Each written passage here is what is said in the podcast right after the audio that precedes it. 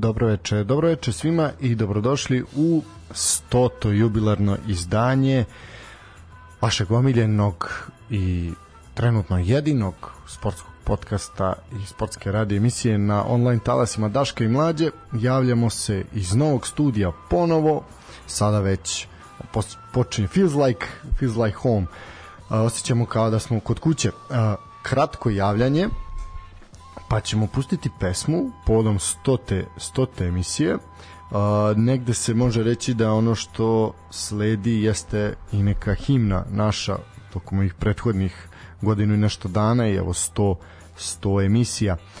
Uh, prvo i pre svega m, da čujete moj glas samo trenutno, uh, Nikola će malo kasniti. Uh, u ovoj stotoj epizodi, pošto smo malo u cajtnotu sa vremenom, ćemo kratko uraditi pregled uh, kola Superlige, naravno malo ćemo pričati o Evropi koja je bila, o Evropi koja nam sledi.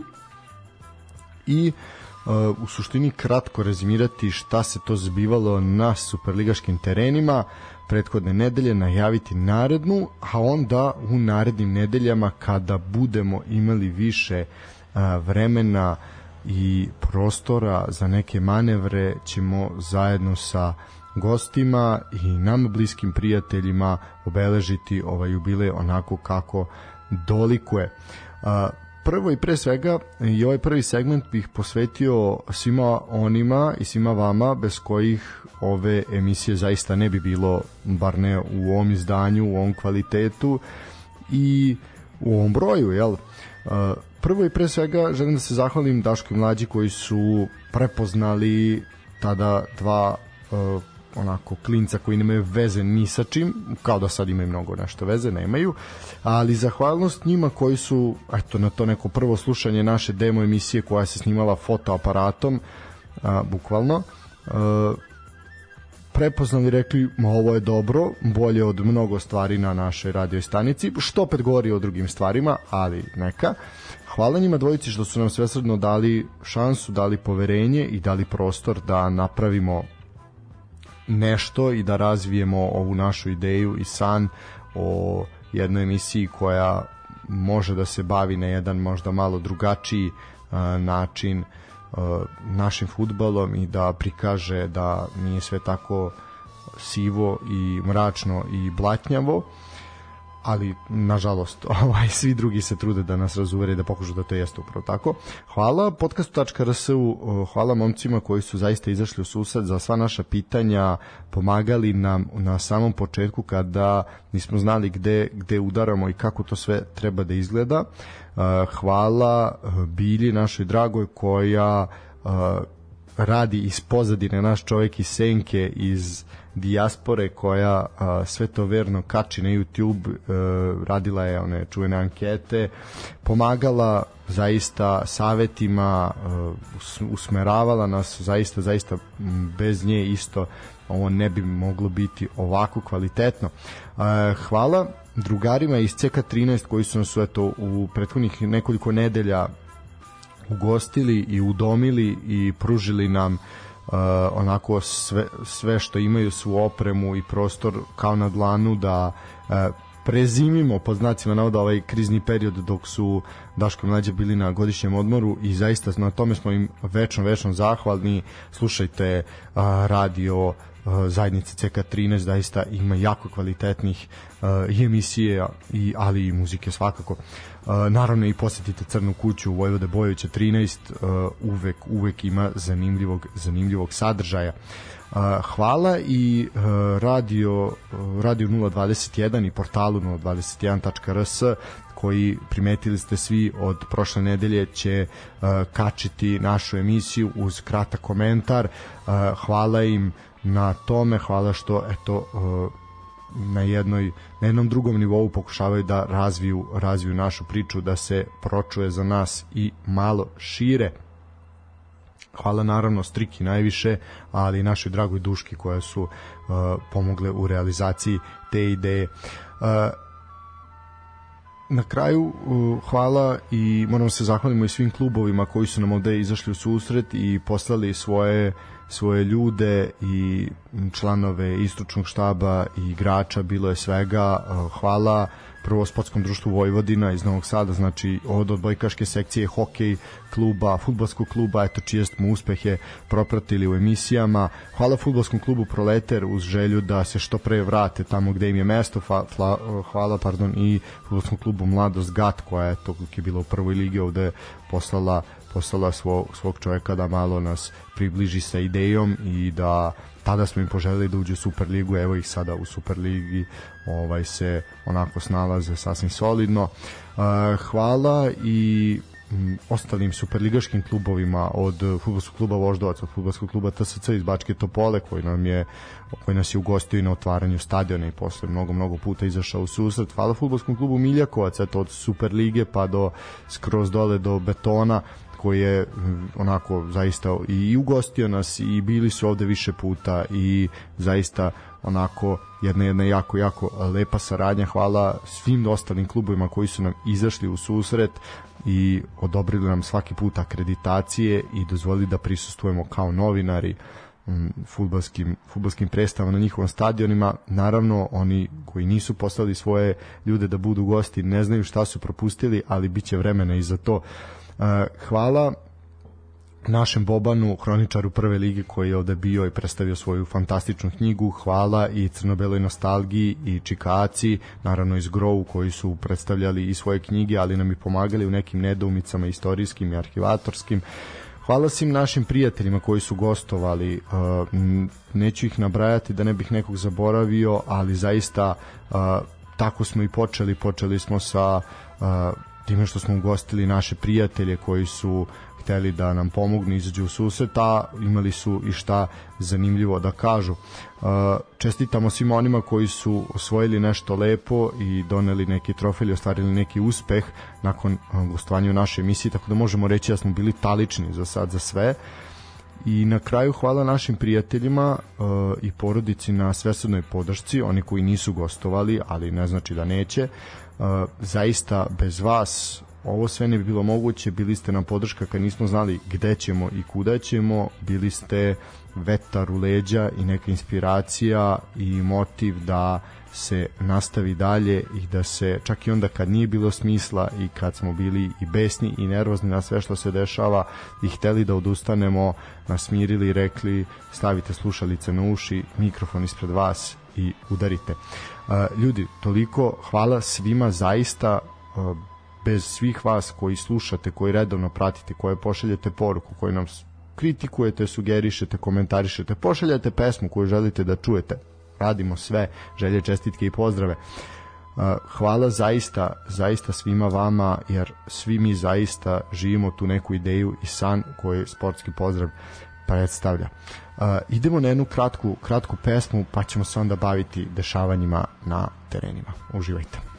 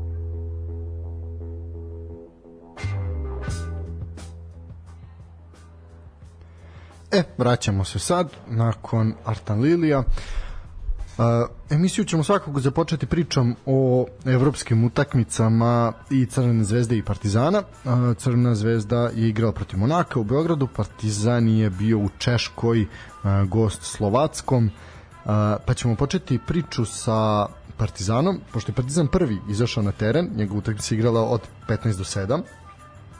Uh, šta reći, utakmica koja je završena 3-3 Uh, mislim u prvih 19 minuta je bilo 2-0 za Slovacko. Pretpostavljam da ste manje više svi gledali, tako da se neću puno zadržavati na ovim utakmicama, imamo čemu drugo da pričamo. Uh, I onda crni karton od Belića, mislim, koji ono kao, malo moram da iskritikujem ovaj komentatore Arena Sport koji su bili onako pristrasni pa rekli da možda i nije bilo priče o crvenom kartonu ne da je bilo priče nego je čovjek di, ono apsolutno zaslužio taj crveni karton je bio ono od, ja bih mu dao suspenziju za onakav ovaj kung fu ovaj zahvat mislim ono i, i pandu bi savladao a ne a ne nešto drugo. Uh, 2-0 je bilo u 19. minutu i posle tog crvenog kartona Belića zaista je delovalo kao da će sve otići, ono da će biti jedan brodolom i da će to Slovacko ući u niz onih utakmica koji se e, navijači Partizana prisjećaju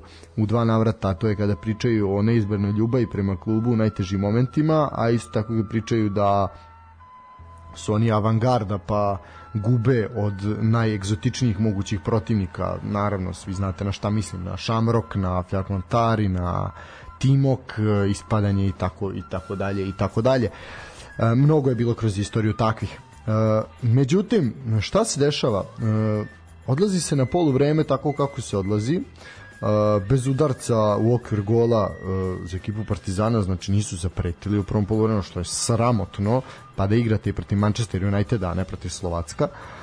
Da bi u drugom poluvremenu mm, izrasli neki organi kod uh, igrača Partizana, ovaj da ne kažem kohones, i onda momci kreću da igraju pre svega Huseini Diabate koji čovek igra kao Duracell Zeka tako otprilike to izgleda prvo u 47. postiže pogodak za, jed, za 2-1 to je jedno prvi udarac Partizana ka uh, golu Slovacka, da bi zatim zaista Partizan imao sreće i taj udarac Diabatea se odbio tako kako se odbio za 2-2, ali ga je zaista Diabate i zaslužio, ono, morate sreću i da zaslužite na terenu. Uh, 2-2 s igrače manje, junukom, ko, to je to, imamo utakmicu ponovo, game on, 53. minut. Ricardo samo 9 minuta kasnije iz trećeg udarca ka golu postiže treći pogodak, 3-2 je, totalna ekstaza, niko ne zna gde se nalazimo i ono, pritom je zaista jako, jako lepa akcija bila i imao je tu Partizan čak jednu šansu da a, znači sa igrače manje, više od 70 minuta ste bili na terenu, bili ste čak i nadomak pobede, Ricardo u jednom momentu pogađa prečku i to je četvrti udarac ka golu, a da nije lopta ušla u gol. E, šteta jer da je ušla to bi bilo to međutim mislim da je Partizan imao i dovoljno sreće i kod prvog i drugog gola mislim da je bilo nezahvalno tražiti je ponovo niste je baš toliko zaslužili u 83. minutu nakon nekog karambola u, u odbrani ali bukvalno tako lopta se što nesrećno odbija i ulazi u mrežu uh, 3-3 je bilo uh, što se tiče onog prednjeg dela, napadačkog dela Partizana, tu se nema šta zaista zameriti. Uh, pored zaista standardno dobrog Ricarda, Diabate je bio ubedljivo najbolji igrač u timu. Uh, zaista njegova želja, volja, borbeno strčanje, izgaranje, to, to su ono, zaslužuje najveće moguće ocene. Čak i kada ekipi ne ide, ne uklapa se u to neko sivilo, uh, nego je taj pokretač i zamajac demonstrirao je zaista to već u Češkoj suvi kvalitet i onako talentom i vrhunskim potezima je preokrenuo tok utakmice u korist svog tima. I nije to samo na toj utakmici, uh, jednostavno ostavlja najbolji utisak uh, u, u svakim momentima, znači kad god je na kad god je na terenu i od te utakmice u Novom Sadu pa da vamo znači kad god ima ima priliku zaista pokazuje pokazuje razliku. Tako da ovo zaista jedan pun pogodak Partizana što se tiče letnjeg prelaznog roka samo da momak nastavi nastavi u tom ritmu. Uh, međutim odbrana škripi jako. Uh, Popović je tri udarca primio tri gola, što je neshvatljivo. Zaista onako od jedne ekipe koja je važila za naj lakšu ekipu tu. Mislim, to je ekipa sa najmanjim renomeom. Možemo i pričati šta hoćemo. Ima i to bivši češ, češkog reprezentativca, pričali smo to prošli put. Sve, sve to stoji, ali to je jedna osrednja ekipa koju Partizan mora, mora da rešava. Naravno, kad ti se desi takav brodolom kao što se desio, sasvim je prihvatljivo i da se završi sa 3-3. Partizan čeka Nicu u narednom kolu. E, Nica koja dolazi nakon utakmice sa Kelnom gde je svakako rezultat bio u drugom planu jer se dešavalo, dešavalo nešto mnogo, mnogo gore a to su ni neredi na tribinama koji ste, koji ste svi uh, koje ste svi videli, ono je jako jezivo i sada se postavlja pitanje i za beogradsku policiju i ne samo beogradsku, nego uopšte ministarstvo unutrašnjih posla kako će organizovati utakmice protivnice i protiv Kelna, pošto se zna da jedni i drugi znaju da dođu u velikom broju, s tim da su ovi iz Nemačke malo agresivniji po tom pitanju, ali i Nica je pre, u prethodnoj sezoni pokazala ovaj da zna da napravi haos uopšte cela francuska navijačka scena je prošle godine divljala što se onako mislim francuska po znacima navod nema tu baš puno francuza ali ajde uh, da, mislim, ono, rasizam kao i uvek prisutan. Uh, tako da vidjet ćemo šta, kako će to izgledati. Najozbiljnija ekipa definitivno u po renomeu i po imenu. E sad vidjet ćemo koliko Partizan može uh, pred svojom publikom. Karte su puštene u prodaju, prodaju se paketi, prodaju se i pojedinačne već ulaznice od danas. Da, danas je počela prodaje pojedinačnih karata tako da eto imate od 21 čas kao što sam rekao imate jednu zaista lepu lepu fudbalsku predstavu i nadamo se onako jednom lepom lepom izdanju momaka iz Humske ulice. E, što se tiče komšiluka, Crvena zvezda Monako 1-0 za Monako je bilo iz gle čuda kako protiv Zvezde nego penala. E, Embolo, jel, ko se penala lati od penala i strada. Embolo 73. minut je bio opravdano je dosuđen 11 terac međutim što se tiče same utakmice ja bih rekao da je bila onako bara bar jedna ravnopravna utakmica koja je mogla da ode pa i u jednom i u drugom smeru. uh, mislim da se ne može zameriti crveno-belima na želji, na želji i borbenosti jer uh, jednostavno ekipa ekipa Monaka je kvalitetna kvalitetna uh, i onako mislim čak dolazi dolazi svakako iz mnogo mnogo kvalitetnije Uh, samo sekundu. Ovaj iz mnogo kvalitetnije kvalitetnije kvalitetnije lige. Uh, ono što je negde obeležilo to je taj sukob uh, da se zaleću jedni na druge ono ovaj su igrači iz istog tima i to je negde meni više više neka briga uh, gde se i stranci svađaju međusobno, a ni ovi naši nisu ništa bolji. A, baš je, to je onako obeležilo po meni i to ono što mi pričali da a, jednostavno nema, nema tu kontrole u toj, u toj slačionici a,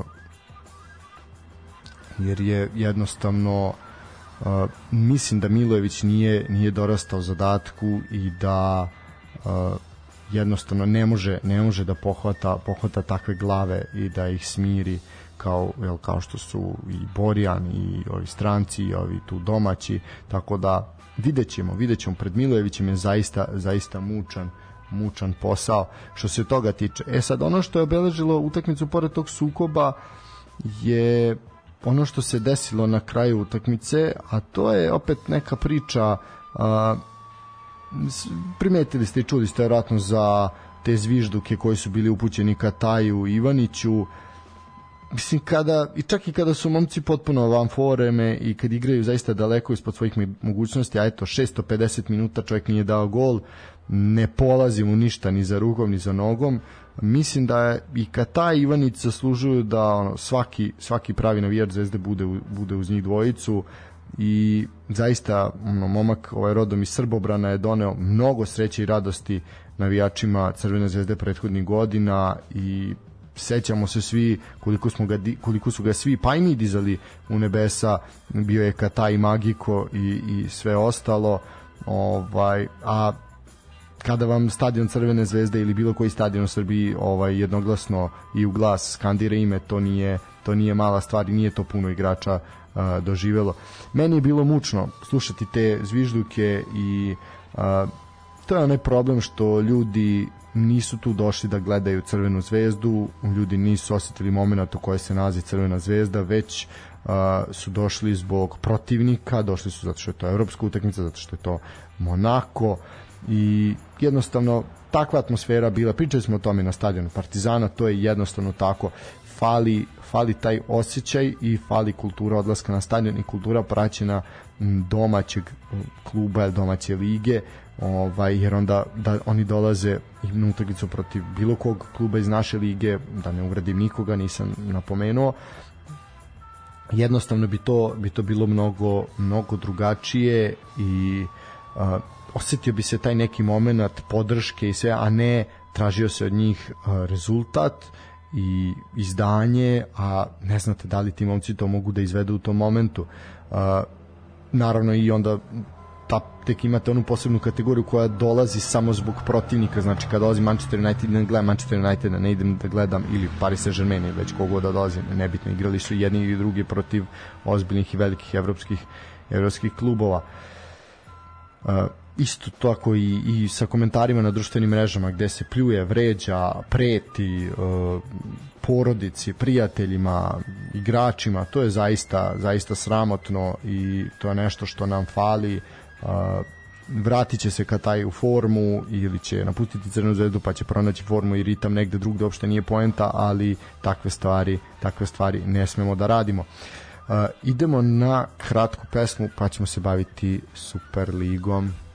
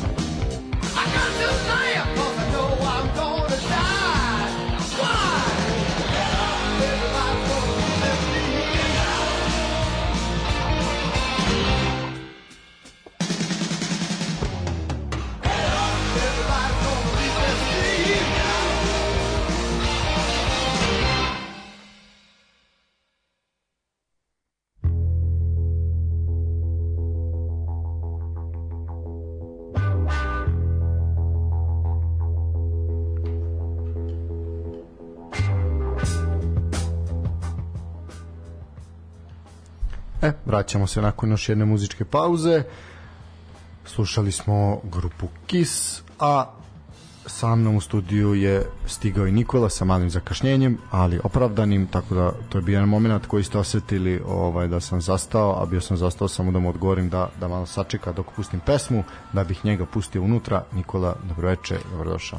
Dobro večer Stanislave i pozdrav svim slušalcima bilo je, postojale su određene opravdane zdravstvene smetnje, ali to nas neće sprečiti da barem deo emisije uradimo do kraja i kako treba. Pre nego što pređemo na ovaj, dalje utakmice, želeo bih da ti čestitam na ovoj ideji koja je istrajala evo stoti put i sledeća želja je da se doda još jedna nula. Pa da, to, to bi bilo već onako zaista, zaista veliko hvala ti i radit ćemo na tome svakako. Pazi, svakako pazi mora, mora da se pređe, e, da se obori broj epizoda BB showa. o, vidi, to je ozbiljan broj. A, Dragan Torbic ima 1200 epizoda na 20 dana. Uh, ovako, dok mi sad pričamo o Superligi, uh, napomenut ćemo da se i utakmica poslednjeg poslednju utakmicu u kolu igra upravo i trenutno na stadionu na kraju utažnog centra. Voždovac vodi 1-0 povedali su pre nekih minuta i po protiv Radničkog iz Niša. Eto povratak Nenada Latovića na klubu Nišlija, treći mandat u Nišu. Što se tiče gola, Mijajlović je centrirao lepo sa desne strane za Milovića, negde sa Ivice, Ivice Peterca glavom u dalji ugao za 1-0. Pratit ćemo svakako, tu imaš nekih 20 minuta do kraja utakmice, a mi krećemo od početka i krećemo od utakmice napredak radnički Kragujevac, utakmice koja je otvorila ovo kolo. Eto, e, neće, neće, pa onda krene treća uzastopna pobeda napretka, eto to čekali su dugo da krenu sa pobedama i sad su vezali tri. E, naravno, tri kola, tri pobede, značajan skok na tabeli i sada se onako već u Kruševcu lakše diše. E, Dejan Kerkez iz kola u kolo potvrđuje odličnu formu i zaista vuče, vuče napredak napredak napred, uh, on je zaista lepo reagovao na centaršut Krstića i glavom savladao golmana Lekovića. Što se tiče Kragujevčana, četvrti vezani uh, poraz i sada se oni nalaze u grupi najugroženijih timova. Pazi, Kragujevčani jednostavno uvek nešto moraju da pogreše u jednom ili drugom 16 vecu. Znači, čak i kad igraju dobro, ne umeju da se, ne umeju da valorizuju stvar do kraja i definitivno njima, njima individualno treba pojačanje na, na zim. Po, posle ovoga evidentno. Znači čak i kad tako ne igraju tako loše, ne mogu da, da osvoje bodove. Ne znamo dakle da krenu kako da se reorganizuju, trenutno su kandidati za ispada. Definitivno. E, ono što treba reći da je dvogodišnji ugovor sa Kragujevčanima upravo potpisao u prethodnim danima Stefan Čolović, i to je ozbiljno, ozbiljno pojačanje. Čovjek je posljednjih godini po dana pravio u Čukaričkom, posle mlađe kategorija Partizana bio je u Drini iz Vornika, Slobodi iz Tuzle, Jagodini, Pirotu, Proleteru, bio je u Irskom Dandalku. Čulić ima 28 godina, ozbiljan desni bočni napadač i ovo je zaista fantastičan potez uprave uprave radničkog. Ovo jeste, ovo jeste vest koja je meni promakla znaš šta je bilo prethodnih dana, pa nije već stigla do mene, e, recimo, pojačanje tog tipa intrepe. Da. Jer Čolović iza nivo Čukaričkog je radio sasvim solidan posao. Absolutno. Tako da on nije tu tamo zato što je konkurencija ojačana i sada je, a nije ni bonus, davno iz stoga eto, poznaje ligu, poznaje protivnike, mislim da će dosta pomoći. A, ba, znaš kako, posledno što radnički uh, nema ne znam kakav uigran sistem u napadu. Čolović je dobar individualac. I onda u, baš u ovim odsudnim momentima u 50-50 utakmicama može da im donosi bodove. Što se tiče napretka, eto, i oni kao i Novi Pazar pokazuju da se trener ne tera za dva kola. Vidimo sada da se to isplaćuje. Mislim za napredak, znamo da im mesto nije u, u prvoj ligi Srbije, da im je mesto u najvišem rangu i sada idu ka nekoj da ka izgradnji pozicije koji ih vodi sigurnom opstanku. Uh, tako je, možemo preći u Topolu, uh, ono za što žalimo i za čim žalimo što nismo bili tamo i propustili smo pa možda i najbolju utakmicu Martina Mirčevskog od kad je došao na TSC arenu, najbolji strelac makedonskog šampionata je imao svoju simultanku na TSC areni, treća vezana pobeda na domaćem terenu ekipe iz Topole, a eto TSC je on pobedom došao na deobu drugog mesta Superlige na kratko Kolubara je do prvog primljenog gola zaista, zaista bila sasvim solidna ali je sve krenulo nizbrdo nakon što je Marjanović dobio crveni karton i onda je Mirčevski onako stupio na stupio na scenu golovima u 23. pa u 64. i onda u 71. zaista su nokautirali u tri poteza uh, Kolubaru šta reći, zaista brutalna, brutalna partija Mirčevskog, uh, ofanzivni vezni, postigao je hat-trick, najbolji meč od kako je u januaru stigao.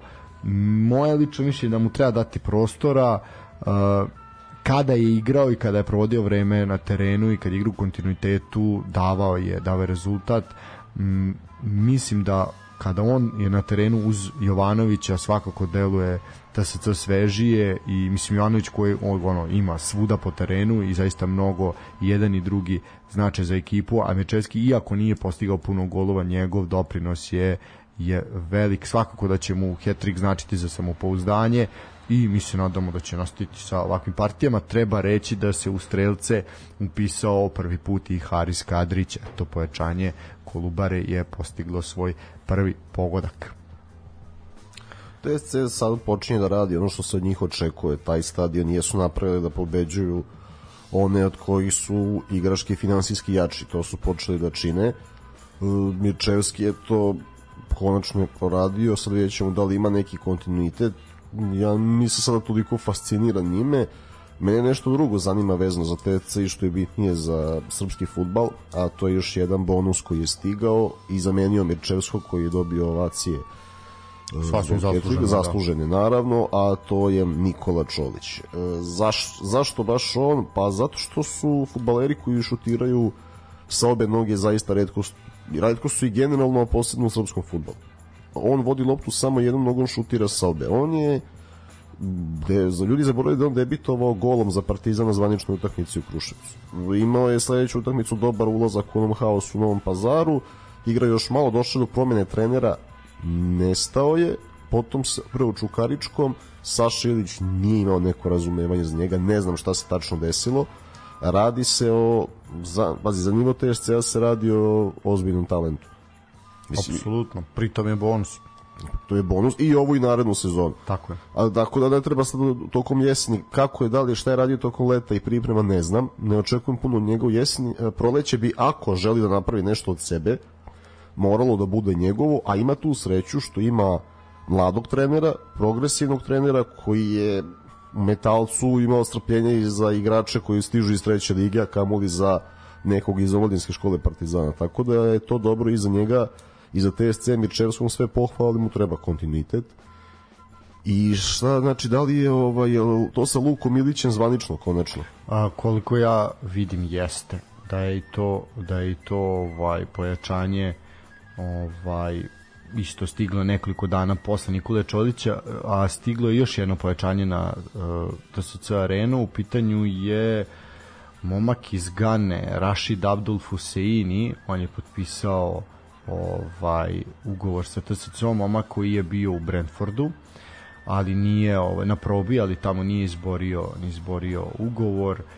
Nastupao je u Gani za različite klubove, interesovanje je za njega pokazala Borussia iz Dortmunda, uh, eto, momak koji je rođen 2003. godine, igra u veznom redu, to je ono što znamo njima, eto, to je još jedno pojačanje koje, koje ovaj je sletelo na na TSC arenu, tako da uz Luku Ilića, Čolića, evo sad i ovog momka koji ne znamo kakvog je potencijala, onako, jedna ekipica se tu lepo slaže i mislim da TSC pokazuje i ono što smo pričali da je tu ozbiljan kandidat za Evropu. Oni moraju, oni njima je obavez da idu u Evropu sa tim kadrom posebno pojačanim, sa uslovima koje imaju u odnosu na ostale, zna se, zna se šta su obaveze. Oni, mali ide se ka tome, zato što imaju imaju za ovakve utakmice svoj standardni način igre i sa druge strane pragmatizam koji smo pomenuli neke bodove jesu ispustili baš zbog toga, ali sve u svemu ispuštuju drugi i tešće se u jednoj dobroj poziciji jednoj dobroj atmosferi da ostvari ciljeve koji su i zacrtani po, po ulasku u prvu ligu i čim je počeo stadion da se pravi. Tako da taj stadion je napravljen da bi tu do, gostovali evropske ekipe i ide ka tome da će ponovo i gostovati. Tako je. Uh, idemo dalje. U, na utakmici koja se odigrala na Karadžođu, u ovom kolu je domaćin bila ekipa Mladosti Gat, koja je dočekala Spartak, Spartak koji uh, poprilično se nalazi u krizi i Spartak koji ne zna gde, gde udara vezao je nekoliko loših rezultata klubi Subotice, a ko drugi nego Andrija, Andrija Radulović, uh, njegov treći gol u posljednja četiri kola, četvrti u sezoni, uh, tek druga pobeda mladosti u šampionatu, Spartak vezao tri poraza. Naja, najavili smo Kintu. Da, Mislim i mora, ovo je bio ovo je bio zicar koji se mora iskoristiti. Ovakav Spartak ti dolazi u goste, jednostavno moralo se moralo se iskoristiti uh, u boljem naletu od ekipe Spartaka svakako je bilo svakako je gat tu ne priče. Mada ono što se tiče mladosti, ja bih tu ukrenuo priču na jednu drugu stranu, a to je da je na primjer nekadašnji fudbaler Rada Đorđe Denić potpisao za mladost Uh, igrao je u Rosenborgu, bio je Apolonu, Atromitosu, Denić ima 26 godina, centralni vezni igrač, bio je član mlade reprezentacije, pojačao je mladost. Uh, još jedno pojačanje Milan Vidakov ipak je iz uh, nije našao prostor u Vojvodini, nije se našlo za njega prostor u ovom kvalitetu i jednostavno je prosleđen ponovo ekipe mladosti kao pozivni igrač, ja mislim da je to dobro dobro za njega. On je i prethodne sezone bio bio u mladosti i tada imao 33 utakmice, 18 golova i 3 asistencije što je zaista zaista fantastično. I onda je danas uh, se pojavila još jedna vest, a to je da je bivši fudbaler Čukaričkog Strahinja Tanasijević takođe potpisao za za mladost GAT. E ja sad te pitam, zamisli jedan broj od 1 do 20, koliko pojačanja je mladost dovela ove sezone? Da, 17 ko Nottingham Forest. Da, jedan ozbiljan, ozbiljan roster, ozbiljan onako, kupuju se na kilogram igrači, e, tačnije dovode. Ali sada su, mislim da su sada tek pogodili, ajde Aha. Vidakova poznaju, Tanasijević, vidjet ćemo, mislim da su sa Denićem pogodili ako je fizički spreman. Tako je, mislim, da se mi ne lažemo, oni su to morali, jer oni sa kadrom sa kojim su ušli u Superligu jednostavno nisu imali kvalitet da se ne da se bore za opstanak, nego uopšte da se takmiče. Ovaj, tako da glatko bi ispali i jednostavno morate. To samo pokazuje kolika je razlika između Superlige i Prve lige. Mada to mnogima koji posmatraju ne deluje tako, ali eto, prošetajte ovaj vikendom do GAT arene da pogledate RFK Novi Sad protiv grafičara, na primjer, pa ćete vidjeti kolika je razlika u kvalitetu ova, iako za grafičar nastupaju zvučna, zvučna imena i članovi su gradske biblioteke, ipak im to nije, ipak im to nije pomoglo. Ja, zamisli Lući banje za biblioteci. Pa ne, da, mislim, suludo je. Mislim, ajde, Tanasijević, 97. godište, isto omladinci rada, pa zatim serija B, Kevo Verona, pa u francuskoj drugoj, drugoj ligi nastupao za Pariz, onako, zanimljivo, štoper jedan koji, eto, vidjet ćemo mislim kad imate konkurenciju u Kovačeviću i Bojanu Mlađeviću ono šta možete da očekujete? Tako da svakako svakako je potreban potrebno pojačanje u u toj zadnjoj liniji zadnjoj liniji gata. Uh, u suštini šta možemo šeći o mladosti Spartaku? Ništa, Spartak mora naći način da izađe iz krize, Spartak klizi poprilično i dovešće sebe u vrlo, vrlo nezgodnu, nezgodnu poziciju. Pazi, ne znam koliko će se zadržati Slavko Petrović ako se ovo nastavi. To je veliko pitanje, da. Nije, Simović je poznat kao neko ko ume lako da preseče. Da, da. Tako da se ne bih, ne bih iznenadio jednog momenta da se nešto dogodi. Što se tiče mladosti, a mor, pazi, morali su, znaš kako, šta, komis, o, sviđalo se nekih Linta i su više dobar trener da bi od, stalno gubio. A naravno. Ako me ne pitaš. Pogotovo kada ti na noge dođe ovako utučena ekipa. Mislim, to se, to se ipak ne, ne propušta. Vidjet ćemo sad šta će uraditi u narodnom kolu kad bude igrao protiv protiv da kažemo nekog malo ko je više konsolidovan. Mada i u narednom kolu idu u Kragujevac, mislim, ono, ni, ni njima ne cvete ružeti, prilika za još tri boda, mislim. Ne, to je utakmica od šest bodova. Da, tako je. Tako za, za, za jedne i za drugi. Tako je. Znači, ko dobije, gradi put kao opstanku. Tako je. Zna se, zna se, zna se, nema tu nikakvih tajni koji su protivnici u borbi za šta. Tako je. Malo je Vlada Gaćinović iznadio, u suštini to je to, nije ništa preterano poremećeno. U suštini je to standardna, standardna slika, da. E, kad smo kod Vlade Gaćinovića, e, nakon dočeka na ulicama Novog pazara gde je bilo od 5 do 7 hiljada ljudi, više se i ne zna broj, Novi Pazar je dočekao šampiona, Crvenu zvezdu, i počelo je kao i snova. Prvo, balkoni su bili prepuni, sa sve moguće zgrade koje imaju pogled ka stadionu su bile pune, bilo je dozvoljenih 150 ljudi na stadionu, vrela atmosfera bez obzira što nije bilo publike na tribinama i Novi Pazar je došao u prednost pogodkom Lončara koji je krunisao zaista nekoliko dobrih utakmica u prethodnim kolima i fantastičan pogodak, mislim, efektan, možda i najlepši u kolu. Uh, Pa dobro, sa najlepši kolu. Pa, uz odbitak ne bih rekao. pa, Ne bih rekao uz odbitak. Ovaj, zato što se nije na prvi mak se nije videlo da je odbitak. Da, izgledalo je dobro, mnogo, da. izgledalo je mnogo lepše kad je korner izveden, posle se videlo da je Borja ništa nije mogao. I ali ovaj pa Novi Pazar eto sedam pobeda je stvarno više nego dovoljno za njih. E, sad ćemo vidjeti kako će reagovati nakon prvog poraza. Nemaju razloga jer su odigrali odličnu utakmicu. Pa dobro, ali vidjet ćemo. Mislim, opet je to bez obzira, pogotovo što su izgubili na način na koji su izgubili. Ajde rećemo, Rodić je izjednačio u 34. na 1-1 i onda je to bilo bilo nerešeno, međutim onog momenta kada je Pešić ušao, meni je bilo ovo će rekao Pešić, Pešić će verovatno rešiti. Pa dobro, jedan pogodak grčko-rimskim stilom, ovaj O bazi bilo je obostrano. Sad Jeste. onaj snim, k, što bi rekao Dule Vojošević, ne zna se ko je prvi počeo.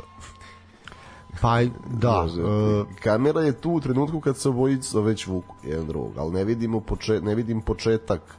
Da, sudija nije mogao da vidi, međutim ono gledano je posle čak i u pregledu kola ovaj su su ljudi rekli da mm, da je to onako na granici mislim znate kako to je uh, 88. minut utakmice utakmice sa takvim nabojem, takvim intenzitetom, šta, šta, god da sviraš odsudi, nije će dobro. da se buni. Da, šta god da sviraš nije dobro ili da ne sviraš. Tako da lopta je ušla, završila je u mreži iza Kljajiće. Kljajić je danas dao izjavu kako je bilo bilo svega. Tako da, mislim, ono, ko Kljajić pita, ono, čovjek počeo da brani u Novom pazaru, ne, uopšte nebitan lik, a, zato što nemaju reflektore, pa nema šta da mu smeta.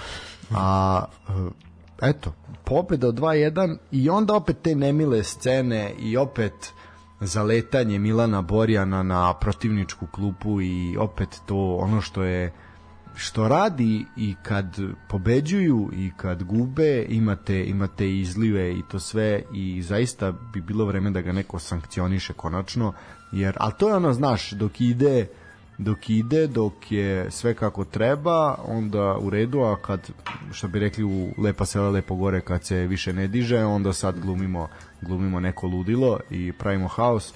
Meni je to, na primjer, najviše zasmetalo ono što kako ga ne mrzi da sa gol linije se zaleće do protivničke klupe? Znaš ti koji on tu put ima da pretrči? Kako te ne mrzi da to uradiš, mislim? Ne znam, možda mu je Milojević rekao da nije zagrajan ili nešto. Da. Ali, ne, znaš kako, on će onaj snimak o, proslave sa 70 godina sportskog društva Partizan morati da otplaćuje do kraja ugovora. Znaš, jer uvek, uvek se ti tipovi mnogo više trude da se dokazuju, znaš, jer Stojković nije mogao da dođe i da brani u Partizan, isto tako morao je da pokazuje majicu, mora je on, te, jel se odrekao pasoša Stojković? A nije na kraju. A nije se odrekao. Nije na kraju. To je bila priča, ali nije. Mislim, pa naravno. Pa ne, ali ne, hoću ti kažem, znaš, imamo ta dva primjera, jedan eksplicitni i, i drugi, ok, nije čovjek za- igrao za, prvo za Partizan, ali je, znamo koliko je ono, preklinjao da dođe da. i da je tamo otišao iz inata i onda, znaš, ti stalno moraš da se okazuješ kao neki tu prvi vojnik, da se zalećeš svuda, da daješ neke izjave, da skačeš na Nemanju Paunovića sa arene, da stal, znaš, stalno ti moraš da si Po šta je radio fokusu. protiv Voždovca po, pro, u posljednjem kolu prošle sezone, ono zaletanje i mislim, za šutiranje penale, ono se ono je toliko ogavno bilo da to nije... a, za, za, Mislim, mnogo je, mnogo ekscesa, ovo je samo jedan u nizu. Ma ne, ko, ko bi pobrojao više. Da. Tako da zaista onako ali dobro, znaš, sve to opet s druge strane više ne može da odbrani ono toliko ko što je nekad mogao i to mu se negde, negde i vraća verovatno. A, da, šta, koliko je, 35 punih ima, tako? To je to, da, vreme je da ide Pa nije više to ni ono vreme matori golmana, znaš, on, da. no jer se kuprca, ali ako gledaš, evo vidimo, pogledaj koliko se Dehea muči. Da. A znamo da je čovjek panter. Tako je. Da, da, ovaj, što se tiče Novog pazara nemaju, mislim, imaju za čime da žele rezultatski, ali igrom nemaju. E, bili su svoji, opet su bili na svakoj lopti. Naravno, sada je nisu napadali toliko visoko, čak su možda prerano i poveli. Ali su pokazali da mogu da ugroze svakoga u ligi i ne, nemaju jedan razlog da padu. Zvezda provukla se i dalje to igra slabo i da je poznajući rad Miloša Milovića znam da ovo nije ono što on želi on ne želi ovako da igra čak ni po nešto lošim terenima Super lige, ima neke druge zamisli, ali kažem ti, mislim da je njihov cilj da nekako prežive u Trabzonu, makar i sa bodom i da nakon pauze da se fokusira, da dobro spreme Ferenc Varoš, eh, jer imaju dve utakmice u dve nedelje s njima. Nema čak sad ni one pauze da imaš dve nedelje između evropske utakmice. Tako da je Ferenc da. Varoš u velikom fokusu njihovom već sada, samo da, da prođe Trabzon. Da, ozbiljna, ozbiljna serija mislim, ozbiljnih utakmica što se tiče utakmica unutar lige ne očekujem da da gube puno bodova pazi znaš da bi ovo bilo prvi put da, da je Pazar izdržao prvi put u 2013. godine bi bilo da nisu dobili tri utakmice u domaćoj ligi vezano znači do onog uh, to je nakon nekog derbija bilo Jojićevog gola da. za titulu izgubili su još dve utakmice tako je, tako je, sećam. pod Sapintom u ne, Slobodu Point kod kuće i u Novom Sadu kad su izveli decu. Da, da. I nakon toga više nije bilo tri vezana kiksa. Da, to je zanimljivo. A... Jeste, jer izgledaju zaista slabo. U domaćem prvenstvu najslabije posle od one Grof Božović sezona i tada nisu uspeli da vežu tri kiksa. Da. E sad što se tiče Crvene zvezde još jedna još jedna vest, a to je da uh, je mlad igrač Crvene zvezde Aleksandar Kahvić znači mladi napadač, uh, otišao, otišao put Izraela, otišao je u Haifu, u Makabi.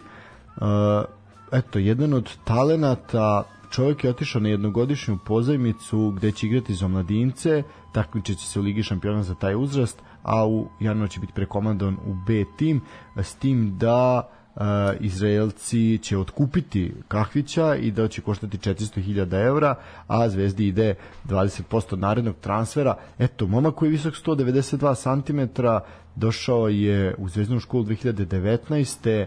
Uh, kažu da je da je kvalitetan kvalitetan igrač, ali eto ipak će uh, svoju sreću tražiti daleko od crvene crvene zvezde. Eto, zanimljivo i vidjet ćemo koliko je Zvezda pogrešila i koliko je novaca izgubila u nekom narednom periodu. Pa da budem pošten, nisam upoznan sa kvalitetima da. ovog momka, koliko nekoga zanima mogu da da pitam jednog onako prijatelja koji se bavi mlađim kategorijama Crvene zvezde, nismo stigli da porazgovaramo o Kahviću, ali ne znam, možda mu se mnogo, možda hoće da uči futbol od Franz Di Piero, a ne od Pešića. Dobro, svakako će oh, vreme pokazati gde su, gde su i šta su. Uh, ja bih pustio jednu pesmu kratku da malo se osvežimo, pa ćemo pričati o Čukaričkom, Vojvodini, Partizanu i Mladosti i ovim utakmicama koje su se igrale igrale danas. Nađemo nešto zanimljivo. A, može. Uživajte.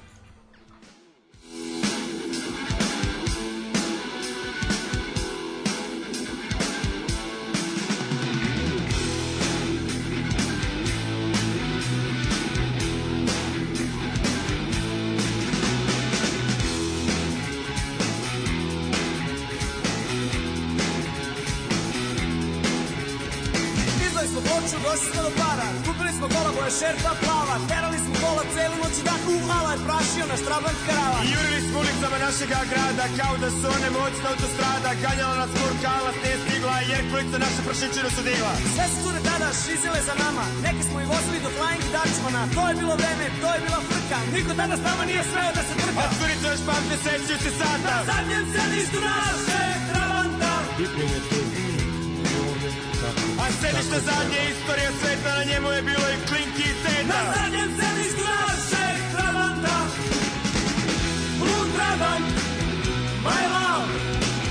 Karavan travant Svačiji san. Blue travant Kao šepa plav.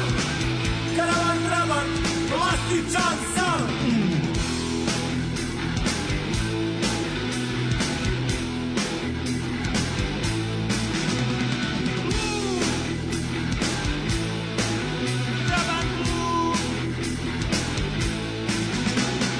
Slikali na stade i sve kalendare. Muzičari ludi u trabati guvare Popularno trabata drastično je dukla Prodaja Mercedesa potpuno je bukla Naturne mnoge treba da smo išli Puna kola muzičara, pipka najviši Limuzina, piči, kilometri šište Curite kaj domaći, sve brzo vrište U traban, my love Karavan traban, svačiji san U traban, kao šefa plav Karavan traban, plastičan sam. Ha!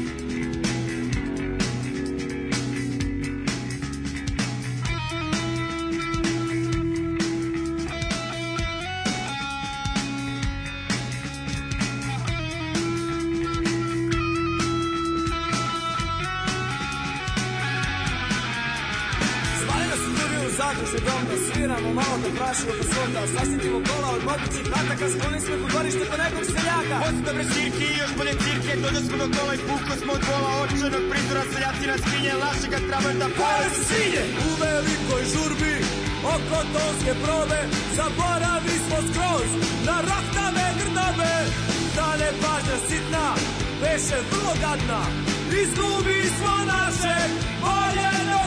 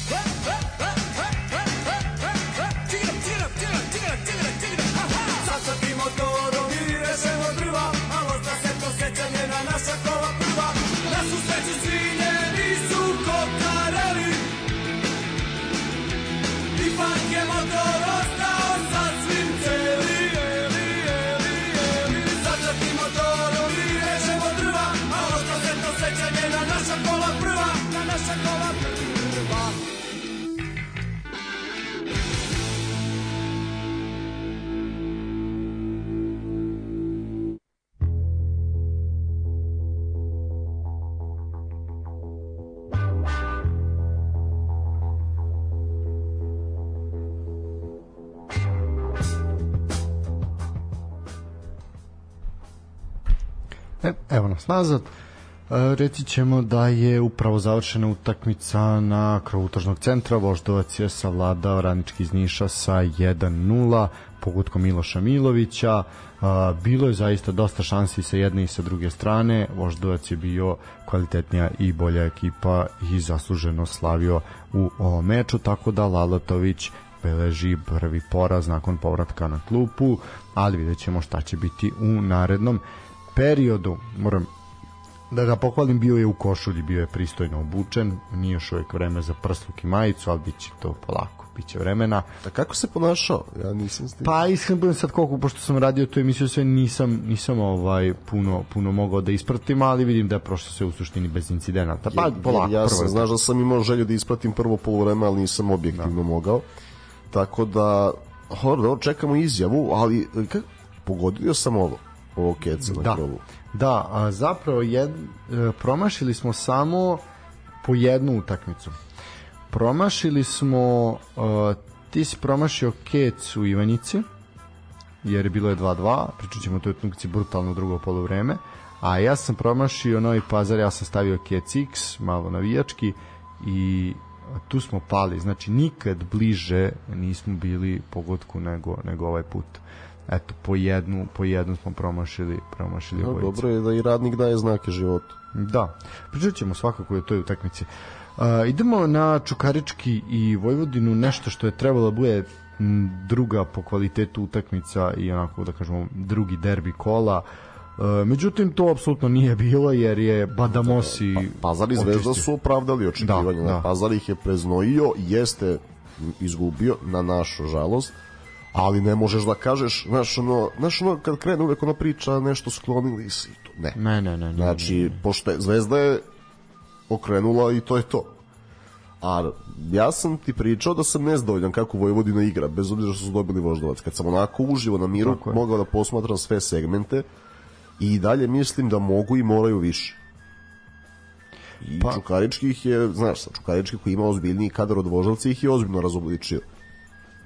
Znaš, Uh, jeste, jeste, ovaj, i po, poprilično onako su ih Uh, ja ne volim taj izraz, ali onako jedan, deklasirali su, ono, pokazali su gde im je mesto i da je Čukarički u ovom momentu zaista ozbiljnija ekipa.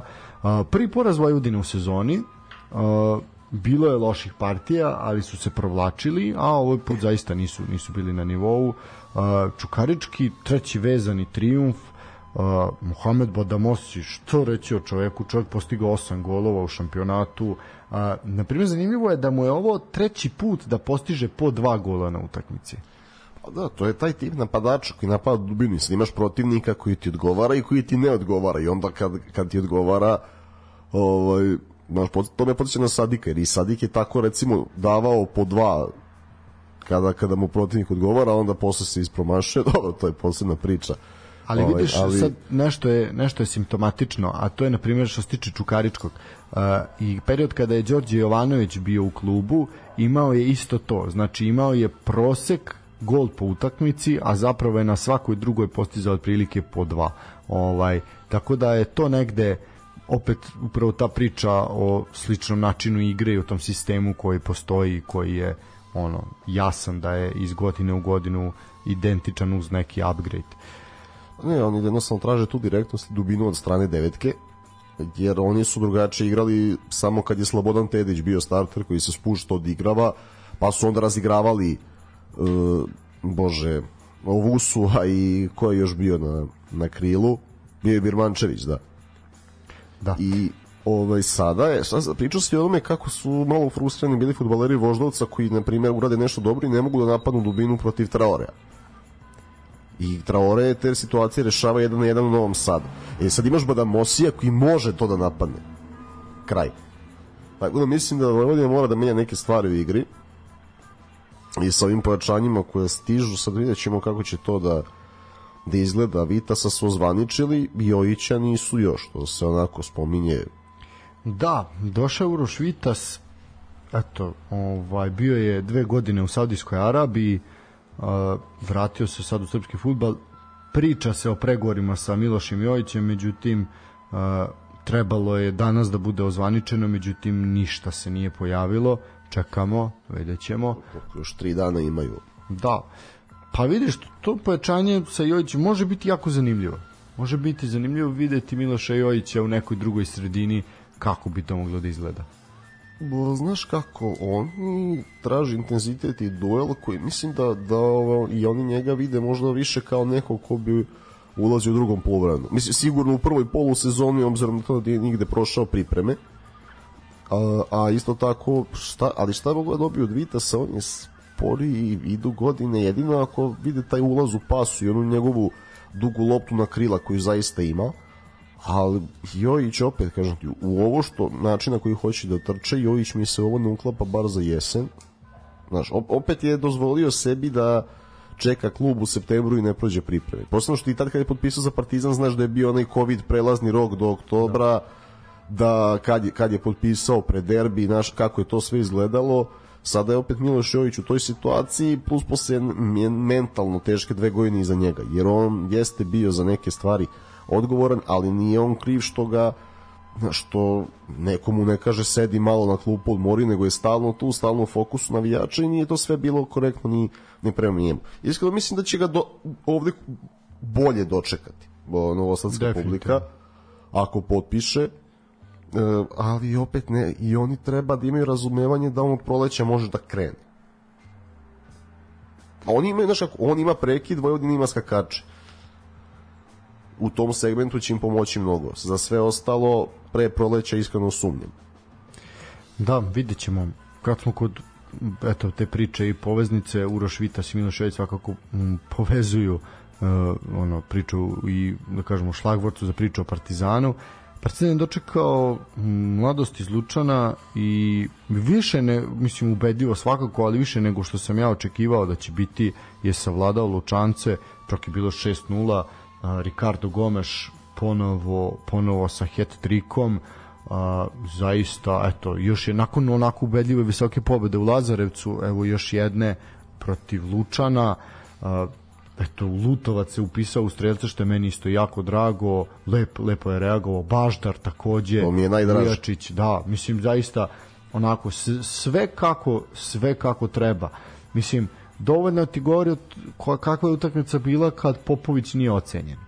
Jer ono, nije šta da ocene. Pa nisam navikao na ovakvu mladost. Pazi, mi smo pričali njima, ja uh, podržavam njih u toj nekoj promeni sa većim brojem mla... interesantnih. Pazi, ne samo što su pobacivali formalno mladi igrače, ti mladi igrači imaju kvalitet, ali nisu nisu mentalno dobro ušli u ovo i mislim da, da je to, znaš, onaj drugi gol onako pred poluvreme kad se desi malo srećan Rikardov i mislim da su tu potonuli potpuno oni imaju šta da tražu u ligi, šta da kažu, to su pokazali, ali su podbacili, jer je Partizan mogao komotno 10 da da. Pa da, apsolutno. Ovaj, Što se tiče Partizana, znaš kako, za Kolubara su pričali smo o, o Raymondu Verhajenu i onom pravilu tri dana odmora nakon utakmice i to su nakon derbija dobili pred Kolubaru, nisu menjali sastav. Sada su imali samo dva dana odmora, plus su doputovali iz inostranstva. Petrić je poprilično promenio sastav i opet smo dobili istu reakciju, isti intenzitet. Tako da sad možemo stvarno da pričamo o Partizanu koji se podigao. Nisam bio da te čujem šta si pričao u Evropi, ali nemamo vremena. Znaš kako, ako bude trebalo kroz Slovacko ćemo neku retrospektivu raditi kad dođe meč sa Svakako. Nicom. Nije nikakav problem, pospojit ćemo nešto. Ali sada vidimo, vidimo jednog opet boljeg Andrade ako i manje greši, ako ja još nisam zadljan, smatram da i on može bolje, ali mislim da mu ni ne čine uslugu, vidim da ga šetaju na oba boka, e, na defanzivnog veznog i centralno. Je- Jedno je kad igrač ima neki radijus kretanja, drugo kad ga 15 minuta vezuješ za pozicije. Mislim da i njega malo svi ti zahtevi zbunjuju, ali opet i on, ona dolazi malo sporije. Znaš, imaš neke koji su naglo podigli formu, kao Ricardo, koji nije bio prepoznatljiv prvih nekoliko kola i sad je ponovo onaj Ricardo koji pretvara skoro sve šanse u golove, a imaš Andrade koji nadolazi postepeno i smanjuje greške. Veoma bitno je to što je Lutovac ušao i upisao se. Zašto? Zato što on ti pomaže kao klasičan desni bek u četiri pozadi, kao krilo i kao wing back ako bude formacija sa trojicom ponovo za Nicu. Mislim, mi, znaš, ovo je sad, ranije smo navikli i kod prethodnih trenera, mislim, znaš otprilike formaciju, pa imaš dilemu kod jednog dva igrača. Ovo sad Petrić je postao sa ovim, ja stvarno ne znam kojih će 11 izaći protiv Nice, jer tim prvo da, for, dilema o formacije, pa onda da li, ne znam, Živković, ako se uporavi sa, ne znam, Filipović ili Lutovac, pa da li Andrade ili Natho, da li Menig ili, ili opet Natho tu polu levo, sad su tu već dileme i trileme, ne znamo šta da očekujemo, ali vidimo jedan energetski bolji partizan. Mislim, 2-0 igrač manje, da se podigneš onako, daš, ok, srećni jesu bili golovi, ali bilo su i golovi slovackog, pazi, odbici, tako da... apsolutno. Imali su jedni. Partizan nije zaslužio da izgubi i to se i desilo. Pe Petrić i dalje neporažen. Ovo je sada koji, znači, devet utakmica, tako? Pa- ne, osam, ne, ima pet pobjeda i tri remija. Pa da, Osam utakmica. tako je. Sad, Nakon vezanih poraza, ovo je mnogo bolje za Partizan, utakmica kakvu navijači žele. Pet, ponavljam da Petrić i igrači zaslužuju veću posetu. I, mislim, evo, možemo, možemo o tome kratko. Uh, ajde samo da pre, pre priče o poseti, Aleksandar Filipović se vratio na teren pa se povredio. ovaj prinudne izmena u 40. minutu, To tako da Izuzetno žao, posebno što izgledao dobro. da. Tako da je tu tu je jedan problem. Ali zbog ove da, ovo današnje gungule koja se dešava, valjda nema informacije koja bi nam značila Naravno, kako je, da, jer ovo, šta se dešava da sa upravo momkom. kad smo kod toga dešava se dešava se jedan haos ovaj trenutno u Partizanu gde imate izbora za predsednika Jugoslovenskog sportskog društva a, gde je, su glavni kandidati Ostoja Milović i a, Milorad Vučelić s tim da eto fudbalski klub objavljuje da je Vučelić produžen mandat dok svi ostali govore da je Ostoja Milović ipak izabran za predsednika zaista onako jedan potpuni haos opet bez Ima- prisustva medija Imaš, ne, po, totalna posle katastrofa. vidim da je Ostoja Milojević je pošto znaš da je on preuzeo TV Partizan i Video Net, pa je držan live prenos tamo i ko ima jel MTS kablovske, MTS i Supernovu, ljudi su mogli da vide, ali samo njegovo obraćanje. S druge strane, ovi su zatvoreni za mediji. Pazi sad, imaš dve nelegalne sednice. Oni sad mogu da se sude do preko sutra. Zašto? Jer e, Vučelićevi nemaju kvorum, a ovi nemaju ovlašćeno lice za sednicu. To sad pravno, formalno može da traje koliko hoćeš. Pa sad- jedno, jedan ozbiljan cirkus. To je jedan ozbiljan cirkus, mislim. Mislim, pazi, u redu, ja, potpuno jasno što god mislio da je većina na strani Ostoje Milovića, on ih tu skupio, to se to se vidi, ali opet ne možeš ti sad mora dro drugačije da izgleda da, da sam sebe proglašavaš tako da nadležni organi treba da, da reaguju i da ih dovedu malo u red. Mislim što se mene tiče ja da se pitam, bacio bih ono da, ne, skup, ne, ne vjerujem što se razdvajaju, nego bih ih opet skupio pa bi bacio bombu, ali Definitivno. Uh, kao u, ako niste čitali, ako niste čitali knjigu Iz, izvini samo da završim ovde, jel bilo na kraju neka vez za E, Filipovića? upravo to. A za Filipovića ne, ali ovo što se tiče ovog, ovog cirkusa, uh, to je, mislim, zaista, zaista katastrofa, ali ja bih Ne, nastavi. drugačije, drugačije to reago, ja bih kao u knjizi Marka Vidojkovića, ovaj, e, baš vam hvala, ovaj potrpo ih sve u avion on kao na poslovnu, po- poslovnu službenu postu naravno avion se obori njima se digne statua kao narodnim herojima i potpuno promeniš sve garnituru tako da je to to je neka neka prava. Mislim evo vesti izlaze Poruka da je je jasna, mehanizmi su različiti, ali stvarno bazi što se mene tiče i što se tiče ponašanja, što se tiče rezultata ne odgovarate. Mi ne bi ne bih se bavio time i odbirao strane. U suštini, evo, kažu da je sa 52 od 86 glasova Mijailović ovaj, izglasan kao predsednik. Uh, sa druge strane, optužuju Vazoru koji nije ulaz, dozvolio ulazak delu delegata. Znači, zaista onako jedan... Ali mislim, ono, to smo i navikli kada je Skupština Partizana u pitanju. Pa da, Mislim, ništa što prethodnih to godina je nismo jedno- videli. Ja, pazi, on, vidiš koliko oni ne razmišljaju. Umesto da taj reality unovče malo češće, oni redko održavaju sednice Skupštine. Znaš, jer no, no, mogli su mnogo da zarade na osnovu pregleda da, tog reality. A ovako, ali šta god da je, mislim, tu su, imaš dve strane medalje, imaš jednu nezainteresovanost s jedne strane i jedan toliko usiljen marketing sa druge strane. Znači, nema, apsolutno nema nema neke sredine kao kada je recimo Danilović bio u košarkaškom klubu Partizan, a sadašnji trener Partizana bio generalni sekretar, pa zajedno s Batom Mirkovićem i Ivanom Tomićem vodio to da imaš jednu umerenost i gospodstvo, pa sad radiš i grešiš. Ali opet umeš da se ponašaš. Tako da ja stvarno ne razumem navijače Partizana koji tu neke strane biraju i sad nešto glasaju po nekim anketama, ali treba, treba malo da, da misle svojom glavom i da saberu šta su realni rezultati svega toga u proteklih pet godina s jedne, odnosno sedam godina sa druge Sa strane. strane, da. Pritom, eto, dolazimo i do te priče o Dajte poseti. podršku trenerima i sportistima i Tako je. Uh, poseta je zaista bila slaba, jako, jako malo ljudi bilo na tribinama, što se s jedne strane može opravdati uh, utakmicom koja se u tom periodu igrala između uh, Srbije i Italije u košarci i mislim da je onako tu dosta, dosta ljudi ostalo kući da prati, prati basket, ali bez obzira jako, jako malo ljudi. E, ne znam kako, kako ide prodaja karata i zanima me koliko će ljudi biti protivnice.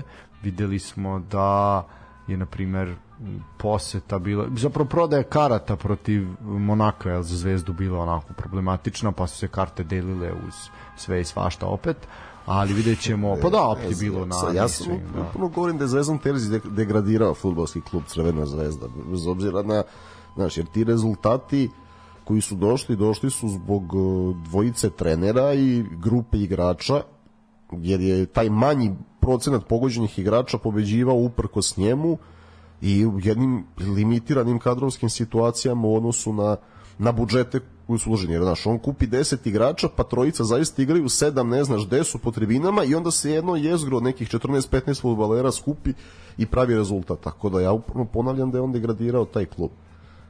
A ovo za Partizan, ako mene pitaš, bit će 15 do 17 hiljada na kraju. Znaš, jer ako ti je Larnaka, koliko, 11, 12, Da.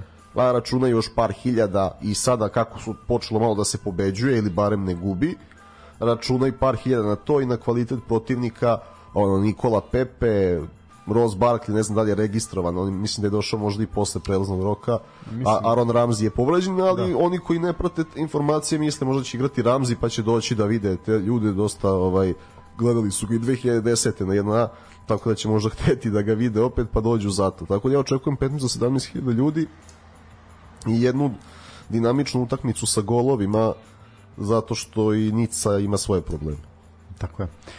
Uh, možemo dalje na dve utakmice koje su se zapravo ajde o Voždovac smo manje više rekli ali još jedna utakmica ostala u kolu a, koju nismo prokomentarisali a to je Javor i Radnik utakmica koja je igrana od 16 časova a, onako prvo prvo šta reći da su ekipa Radnika imala šansu da pobedi ali je eto i nakon 11 kola su bez bez pobede Uh, to je duel timova koji su sa najlošijom formom bili do kola. Uh, dosta jedno nezanimljivo prvo polovreme, ali zaista fantastično drugo. Momci su jedne i druge ekipe u drugom polovremenu onako briljirali i pokazali da ipak znaju nešto i imaju znanje i mogućnosti. Talenat naravno. 2-2 je bilo na kraju i jedni i drugi su vodili u jednom momentu i mislim da će svakako gosti više žaliti za bodovima. Imali su 2-1 i onda je zaista neoprezni Dušan Hođić igrao rukom dosuđen je 11 za uh, ekipu Javora gde je bilo Petar Gigić je ovaj postigao pogodak za 2-2 isto tako su uh, do prednosti došli i uh, momci iz radnika isto preko preko 11 terca ovaj u 62. je Miloš Spasić pogodio. Ovaj nakon faula Dina Dolmanagića na ovom Zoranu Danovskom e, ono što je re, treba reći nisu, čekaj, zar nisu izjednačili golom Spasića pa poveli... ne ne ne ne Ja, dva uh, prvo je da zapravo je upravo si Spasić je 1-1 onda je Danovski u 76. je lepo ovaj primio loptu i lažnjacima se oslobodio čuvara uh, lepo šutirao nema šta momak zaista Zoran- ono zbog čega i Zoran doveden Donovski je jedna vrsta endemske biljke koja funkcioniše samo u Surdulici. Da, uh, u suštini ono što je što je bitno reći da je 2-2 uh, gorelo je u drugom polu vremenu šteta što nije ali videlo se da i jedni i drugi nemaju ovaj snage da to traje 90 minuta ali zaista lepo lepo drugo polu vreme solidno popunjen stadion u Ivanjici s obzirom da je radni dan. Uh, šta reći uh, za jedne i za druge? Javor će igrati protiv Vojvodine u sledećem kolu radnik dočekuje Partizan uh, svakako i jedni i drugi eto ovde je bila prilika da se uzmu uzmu bodovi jer već u narednom kolu će biti biti problema. Ovaj biće jako teško. Eto ozbiljan sad već onako ozbiljan sunovrat jedne i druge ekipe dosta dugo bez pobede. Mislim, mislim da je posle pauze negde neminovno da pobedi radnik, da. Ali je tu Javor je, znaš kako, tu imao je tu startnu direktnost i sve pitanje kako su spremili ekipu, znaš, možda su sada druge ekipe malo fizički nadošle, jer imaš ti situacija kada trener recimo onako spremi ekipu za sam start sezone, ali počnu da padaju brže od ostalih. Meni se čini da Javor slabije trči nego ovaj, da su bili mnogo bolji trkački po onim vrućinama. Sad,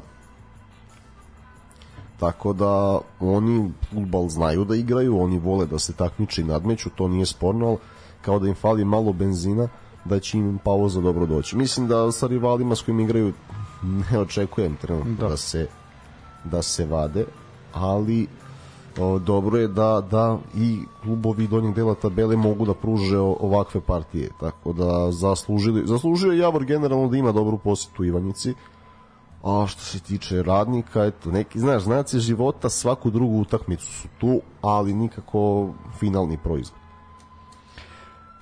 E sad imamo još jednu bitnu servisnu informaciju, a to je da će sve uh, utakmice koje ovaj fale i koje koje su odložene zbog kakvih ovaj razloga najviše evropskih uh, biti uh, odigrane do uh, 9. novembra koliko sam ja shvatio znači ovako Uh, delo je konfuzno zaista tabela i to ćemo sad čitati. Jeste problematika je nastala zbog evropskih učešća Zvezde Partizani Niškog radničkog. Uh, Niški radnički odigrao meč sa Kolubarom, ali ostale su još četiri utakmice da se doknade, nadoknade u jednom izuzetno zgusnutom rasporedu, da se podsjetimo peto kolo između Vojvodine i Crvene zvezde i Partizani napredka igraće se 19. oktobra to je termin 16. finala Kupa Srbije, to je ono što smo opet pričali, a utakmice sedmog kola Čukaričkog Crvene zvezde i Partizani Spartaka igraće se 9. novembra kada je termin osmina finala Kupa Srbije. A, da li se igra na kraju ta 16. finala u pauzi i sa kim se igra? Za sada... Ja nisam vidio da je bio žreb za kupu uopšte. Uh, pa mislim za sada ovako stoji znači uh, klubovi koji će 19. oktobra igrati za ostale prvenstvene mečeve će prvu rundu kupa igrati 29. septembra pred kraj reprezentativne pauze a utakmice osmine finala kupa na proleće. Znači totalan, totalan haos. Pa, pa ne, ali sad već standardni haos, pošto da. je tako bilo i... Mislim, pričali smo o ovo, spominjali četiri puta, ovaj, tako da... Pa, mi smo na vreme ukazivali na to da se ne odlažu utakmice, jer čak i, pazi, Absolutno. pazi, čak i da su odlagali, ako je već kup degradiran, čak i da kažu, ej ljudi, odigrat ćemo kup na proleće, dajte nam nedelju dana da se odmorimo da prođemo grupu. To bi tada bilo mislenije, ako vidiš da imaš, ne znam, 9 bodova i treba da pobediš, da prođeš ili uzmeš bod, i onda kao, e, ovaj, da odigramo kup na proleće, ljudi, ako može, i to je smislenija varijanta od ove. Pa da, ali problem je što se ne razmišlja tako daleko, nego je daj samo da se uđe u grupe, da se uzmu pare. E to je, to je naš, to je to je bitno. A to da li će se proći grupa, se neće proći grupa, uglavnom onako je šta, šta se uradi. A bilo je nemoguće da ne uđu u grupu. Pa da, ali eto vidiš, kluba, a, sad. ali eto vidiš da se zbog nekih utakmica, mislim ono pogotovo ta priča sa protiv Pjunika i to to je zaista sramotno da odlagati utakmicu gde imaš nakon 5:0, mislim to je zaista katastrofa, ali dobro. Mislim kako ste sejali, tako ćete žnjeti i šta da radimo. Ja bih krenuo na tabelu. Crvena zvezda je prva sa 23 boda, bodom više od Čukaričkog. Eto, protiv ekipe protiv koje će igrati tu za ostalu utakmicu, pa ćemo tu vidjeti da li Čuka može nešto. Treći je Novi Pazar sa 21 bodom, TSC je četvrti sa 20 bodova, Voždovac je peti sa 20 bodova, znači eto i TSC i Voždovac dele samo 3 boda ovaj od uh, prvog mesta, naravno Crvena zvezda ima dve utakmice manje. Vojvodin ima 19 bodova, upravo utakmica protiv Crvene zvezde, kao što smo rekli, sedmi je Partizan sa 18 bodova, osma je Kolubara sa 15.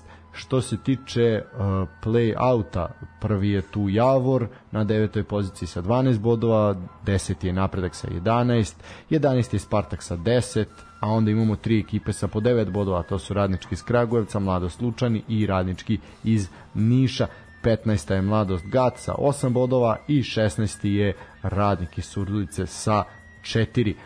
Rekli smo i dalje Radnik jedina ekipa bez poraza bez pobede, pardon. Ovaj, tako da je to to što se tiče tabele. E, naredno kolo počinje 16. u petak i u pitanju je utakmica u Kragujevcu između a, radničkog i mladosti a, opet nešto što ja mislim da je Zicar za bodove za novosadsku ekipu, pogotovo radnički koji zaista onako se nalazi isto u problematičnom periodu, tako da ću ja ovde reći da se Linta vraća makar sa jednim bodom, odnosno da će biti x2 16 časova je utakmica, samo da kažem. Ja ću da kažem ovde 1 e, do 3 gola. Dobro. Uh, onda imamo utakmicu u subotu od 17 časova TSC ide u Lučane. Znači mladost će biti domaćin TSC-u uh, ovde može biti svega ovde može biti svega. Vidjet ćemo kako će mlada ekipa Lučana reagovati nakon ovog poraza protiv Partizana. A da li će TSC nastaviti seriju koju imaju Pa, znaš kako, mislim da neće loše reagovati zato što su se ponašali tako kao da će da, da izgube i da se malo, da su im dalje utakmice u fokusu. E, očekujem po gol na obe strane, konačan ishod, ako mi teško da će malo zadobije, ali gol, gol. Sad, da li tri boda idu to polu, ne znam. Pa ja ću staviti 2 do 4 pogotka. Ja mislim da ovde može biti, može biti golova. Uh, Od 19 časova u subotu Voždovac će dočekati Čukarički. Nam to derbi kola nekako možda.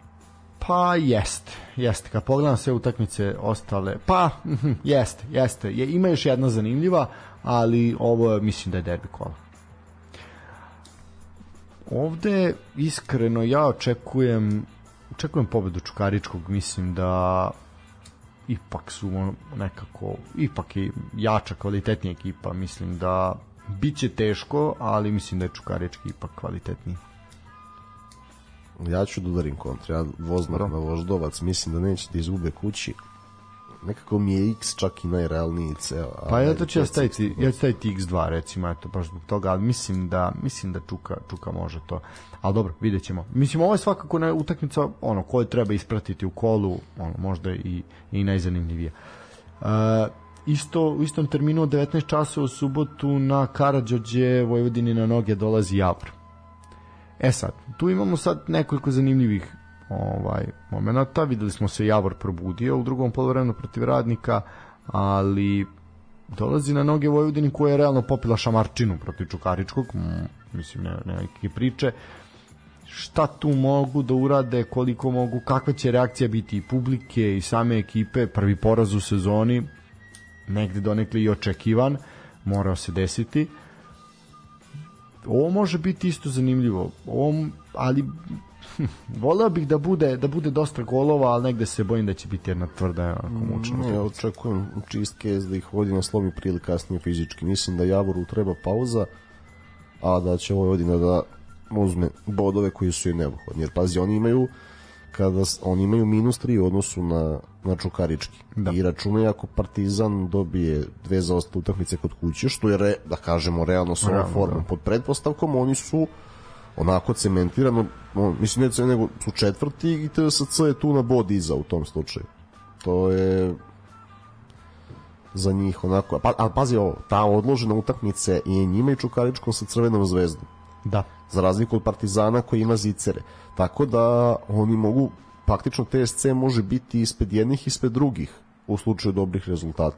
Tako da ovo za Vojvodinu je ovo nešto što moraju da pobede, jer, pazi, ako ovo ne pobede i, i o poverenju Milanu Rastovcu može da se raspravlja u teoriji. Mada mislim da sada Zbiljić neće to da radi zbog celog PR-a koji je napravljen, pa će biti kao poverenje. Evo, mislim da će izgurati do polusezone, ali da, da igraju dobro u odnosu na kadar, ne igraju. Ja mislim da igraju na nekih 35% onoga što mogu.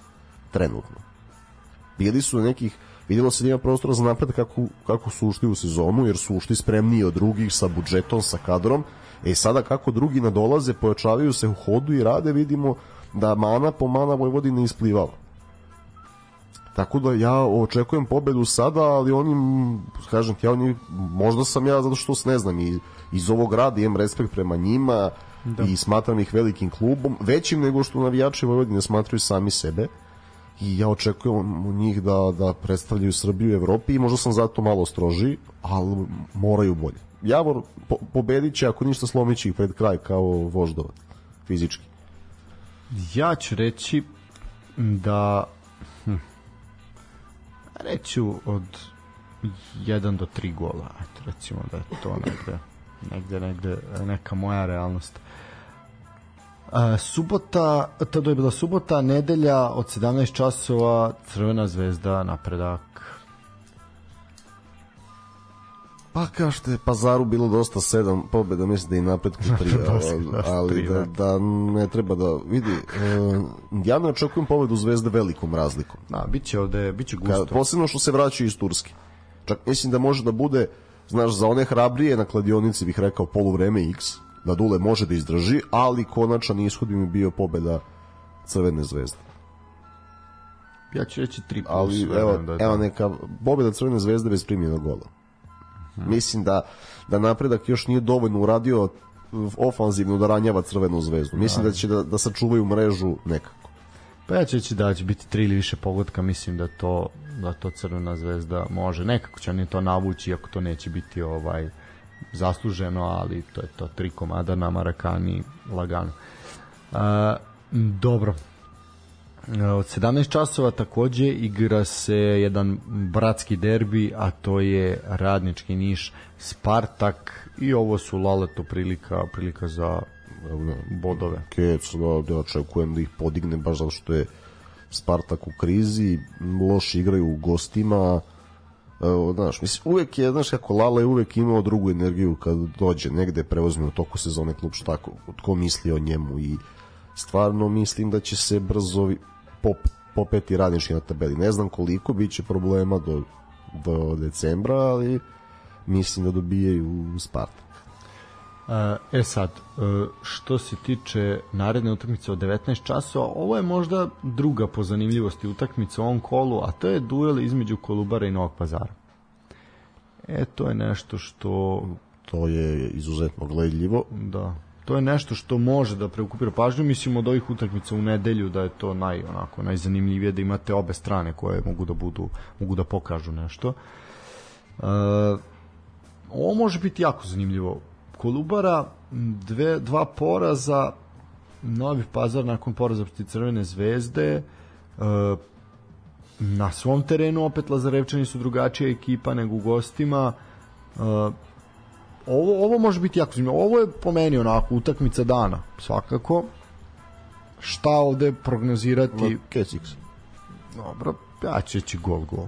Ja ću da obe ekipe daju po jedan, pogotovo ako se Miloš Mijić oporavi, ovaj, mislim da će to biti biti izvesno.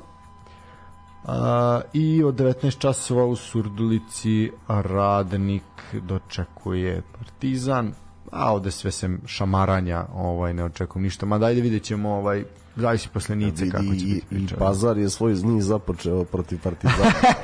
da, ovo bi sad bio bi vrhunac, onda sad radnik veže sedam pobjeda. nakon A, stranu, Da. a mislim da neće sad.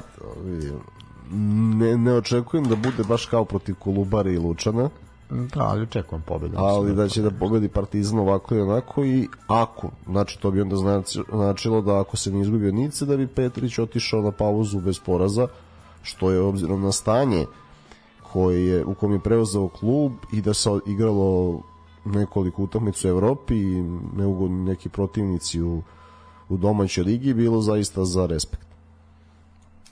Znači, šta kažemo? Pa dvojka i gost 2 plus da pojačamo malo, ajde. Pa da. Hm. Aj sad šta ću ja staviti? Ajde, ja sam ta, ja ću staviti samo gost. Gost 2 plus, mislim da a možda i stavit ćemo i dvojku, nema šta. Tako da prepisujemo tu jedno drugog.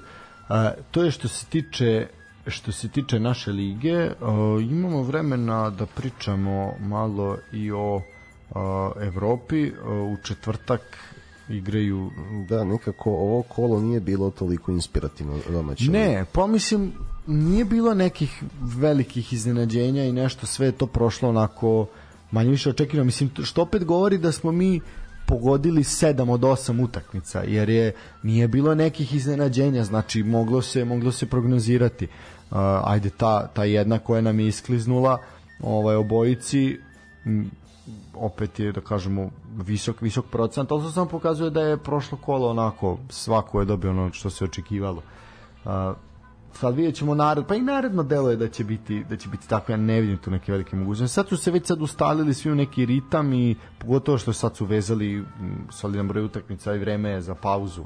Ovaj, To, baš uskoro. posle pauze će, pauze će biti teže da pogodiš, jer znaš, do, imaš još nekoliko dana za dovođenje igrača, pa onda ti koji stignu do četvrtka verovatno neće da budu starteri u subotu i nedelju i onda od pauze svi prave neke nove kosture ekipe. Tako da od pauze opet očekuje nas neka dinamika, verujem, ali moramo da pisamo znači da prvenstvo ne popušta u smislu kvaliteta i međusobne borbe. Znaš, no, ne, malo manje primećujem ove godine ono one glasine čaršijske priče, ovaj ovom dao bodove, ovom treba za sada. Imamo evo koliko 11 kola i 12 na putu, ne, ne vidim to. Moram da priznam da je maksimalna borba sa svih strana. Pa jeste, i ono što ja moram da primetim i što je negde meni slika koja je obeležila uh, prethodnu nedelju, a to je svakako taj doček doček pazaraca. Ovaj znaš kao, nismo mi to na, mislim to je ne, negde u Evropi u svetu je to normalno, ali mi nismo navikli da ti se ono 5, 6, 7 hiljada, nebitno koliko više hiljada ljudi skupi u centru grada da dočeka dočeka svoju ekipu. Mi to nismo viđali na ovim. Čak ni posle ono ok, dešalo se kad su organizovane proslave titule ono klubova, ali ne ne tako da kažem na taj neki spontani spontani način na za jednu ovakvu našu ligu koja jeste uspavana u tom u tom smislu. Ovaj zaista je to zaista je to iznenađenje onako i to skandiranje Gaćinoviću i fudbalerima onako to je jedna zaista jako jako lepa slika koja je obišla obišla Srbiju i nije za sad bila ekscesa da kažemo da ovaj da je ova ekipa ove sezone omražena u domaćim okvirima. E sad naravno uh, desila se ta utakmica Crvenom zvezdom da opet kažemo Pazar je lepo je igrao i imao je šansu, nažalost ajde ok, Crvena zvezda je pobedila, ali imaju na šta da budu da budu ponosni. Tako da imamo nešto, imamo nešto, imamo nešto što je opipljivo, imamo nešto što je zanimljivo, imamo nešto, znaš, smenjuju se stvari, smenjuju se nizovi, smenjuju se, eto, znaš, sad, malo, imamo se iskočio Novi Pazar, sad imamo osjećaj da će da iskoči neko drugi. Ovaj, imaš taj Čukarički koji to tako tiho radi, ovaj, da se, ono, naš, kao, da smo navikli, ali oni su na drugom mestu. Znaš, ima, Da, oni, oni su drugi, čak i da Partizan dobije obe zaostale utakmice. E, pod pred, ako bi dobili oni i Partizan svoje zaostale, bili bi drugi. Da. Čak i u toj matematici s tim što Čukarički igra sa, sa Zvezdom, da. pa je realnije da ih prebacim na poziciju 3, ako gledamo tu kombinaciju, ali za sad se piše da su drugi dok Partizan ne overi ulogu favorita i zasluženo, znaš kako, zasluženo su drugi s tim da kažem ti, ja sam ma, malo su me, malo sam više očekivao od njih protiv Twente. Mislim da imaju kadar, mislim da su se lako lako predali, posebno što, znaš, kad su videli uh, žreb Fiorentina, da. sledeći, mislim da su se baš, baš predali. Ne verujem da bi to izgledalo tako da je ono da su mogli oni da preuzime ulogu nosioca pa da izvuku tamo neki Linfield ili koga mislim da bi i ta, te utakmice izgledale malo drugačije i da bi onda uža odbrana drugačije funkcionisala, više pažnje bi obraćali na svoj gol, ali ok, Čukarički, evo sada m, igraju, igraju bolje od Vojvodine. I, I u jedne i u druge je uloženo čak i u Vojvodinu više uloženo. Posebno ako su sad nismo, nismo ovlačeni da pričamo, zato što to nisu zvanične informacije, nisu informacije iz kluba, koliko, su, koliko je novca uloženo u plate određenih igrača u Vojvodini i obeštećenje Nikole Čumića. O, to zaista nije malo, pazi, zapravo bi trebalo da, da bude normalno u, dan, u 2022. godini u futbalu, ali pošto za nas to nije normalno i velika je razlika u odnosu na klub, ostale klubove koji nisu Zvezda i Partizan, donekle Čukarički, i TSC, znaš, već od, imaš mnogo, mnogo više od 11 klubova u ligi i to moraš da opravdaš prvo, znači, između sebe, pa onda svojim navijačima, pa nekom širem auditorijumu. Što se tiče pazara, e, zaista sad, prvo reći, i, ni ti ekstremi tamo nisu većina, znaš, uvek ti neka glasna manjina dobro organizovano pokvari određene stvari, e, sticam okolnosti poslovno, znaš i sam, jedan i drugi u nekim našim sferama smo komunicirali sa dosta ljudi iz pazara i to je, ima tamo dovoljno civilizovanog sveta koji vole i taj pazar i navijaju za sve srpske klube u Evropi. I oni treba oni zaslužuju da svake, svako vikenda mogu da gledaju svoj klub tako da Busko će to i da dobiju i jedna lepa priča ove sezone posebno što je, znaš, možemo mi pričamo koji kakav trener Vlada Gaćinović je meni jedan čovek na mestu da. čovek sa osjećajem za mlade ljudi to kad kažem mlade ljudi ne mislim samo na igrače, tinejdžere koji dolaze iz podmlatka, nego generalno ti si mlad čovek i kad igraš i do 30. znaš, nisi, nisi mator i Vlada Gaćinović ima razumevanja i eto, poravio je karijeru jednog Periše Pešukića koji je, znaš kako, služio navijačima Partizana kao podsmeh, što nije u redu ni prema kome ko svoje obaveze pošteno izvršava. Evo vidimo da sada igra, pazi, igrao je prvo dok su imali povrede na štoperu, pa sad konačno svoj poziciji desnog beka izvršio zadatak maestralno do sada. Znači, I voli znači, da da drugu šansu, da oživi karijeru, da se postavi očinski, vraća mu se to. Da, I ja volim taj ložački aspekt u futbalu, što su i dočekali. Znači jer to su normalne pojave u svetu i treba toga da ima. Oni tim dočekom nisu nikoga uvredili, što je najvažnije. Apsolutno, mislim to je to je prvi pre svega je to, ali zaista ali opet vidiš i Uh, nije bilo tih priča, to što si rekao, naš, nije bilo priča da je to sad pazar zbog političkog uticaja, da je to sad nešto ovaj na, nije, nije to nije bilo tih nekih čašeskih priča, nego je ono tako je kako je, momci se bore, vidi se to, ovaj prenosi se, posmatra se i to je to je ono što je što je najbitnije. Uh, zaista impozantna serija pobeda bila je, ali nije samo serija pobeda, serija i dobrih i kvalitetnih utakmica. I definitivno treba pričati, treba pričati više, više o takvim stvarima, ali volim što ono srećem ljude na ulici uh, I kao naš pitaju me, e pa kao šta radi taj novi pazar, znaš, a sad da vidiš, neko u Novom Sadu se interesuje šta se dešava u Novom pazaru. E to je nešto što, što je pokazatelj da se nešto ozbiljno radi i da ste privlači pažnja.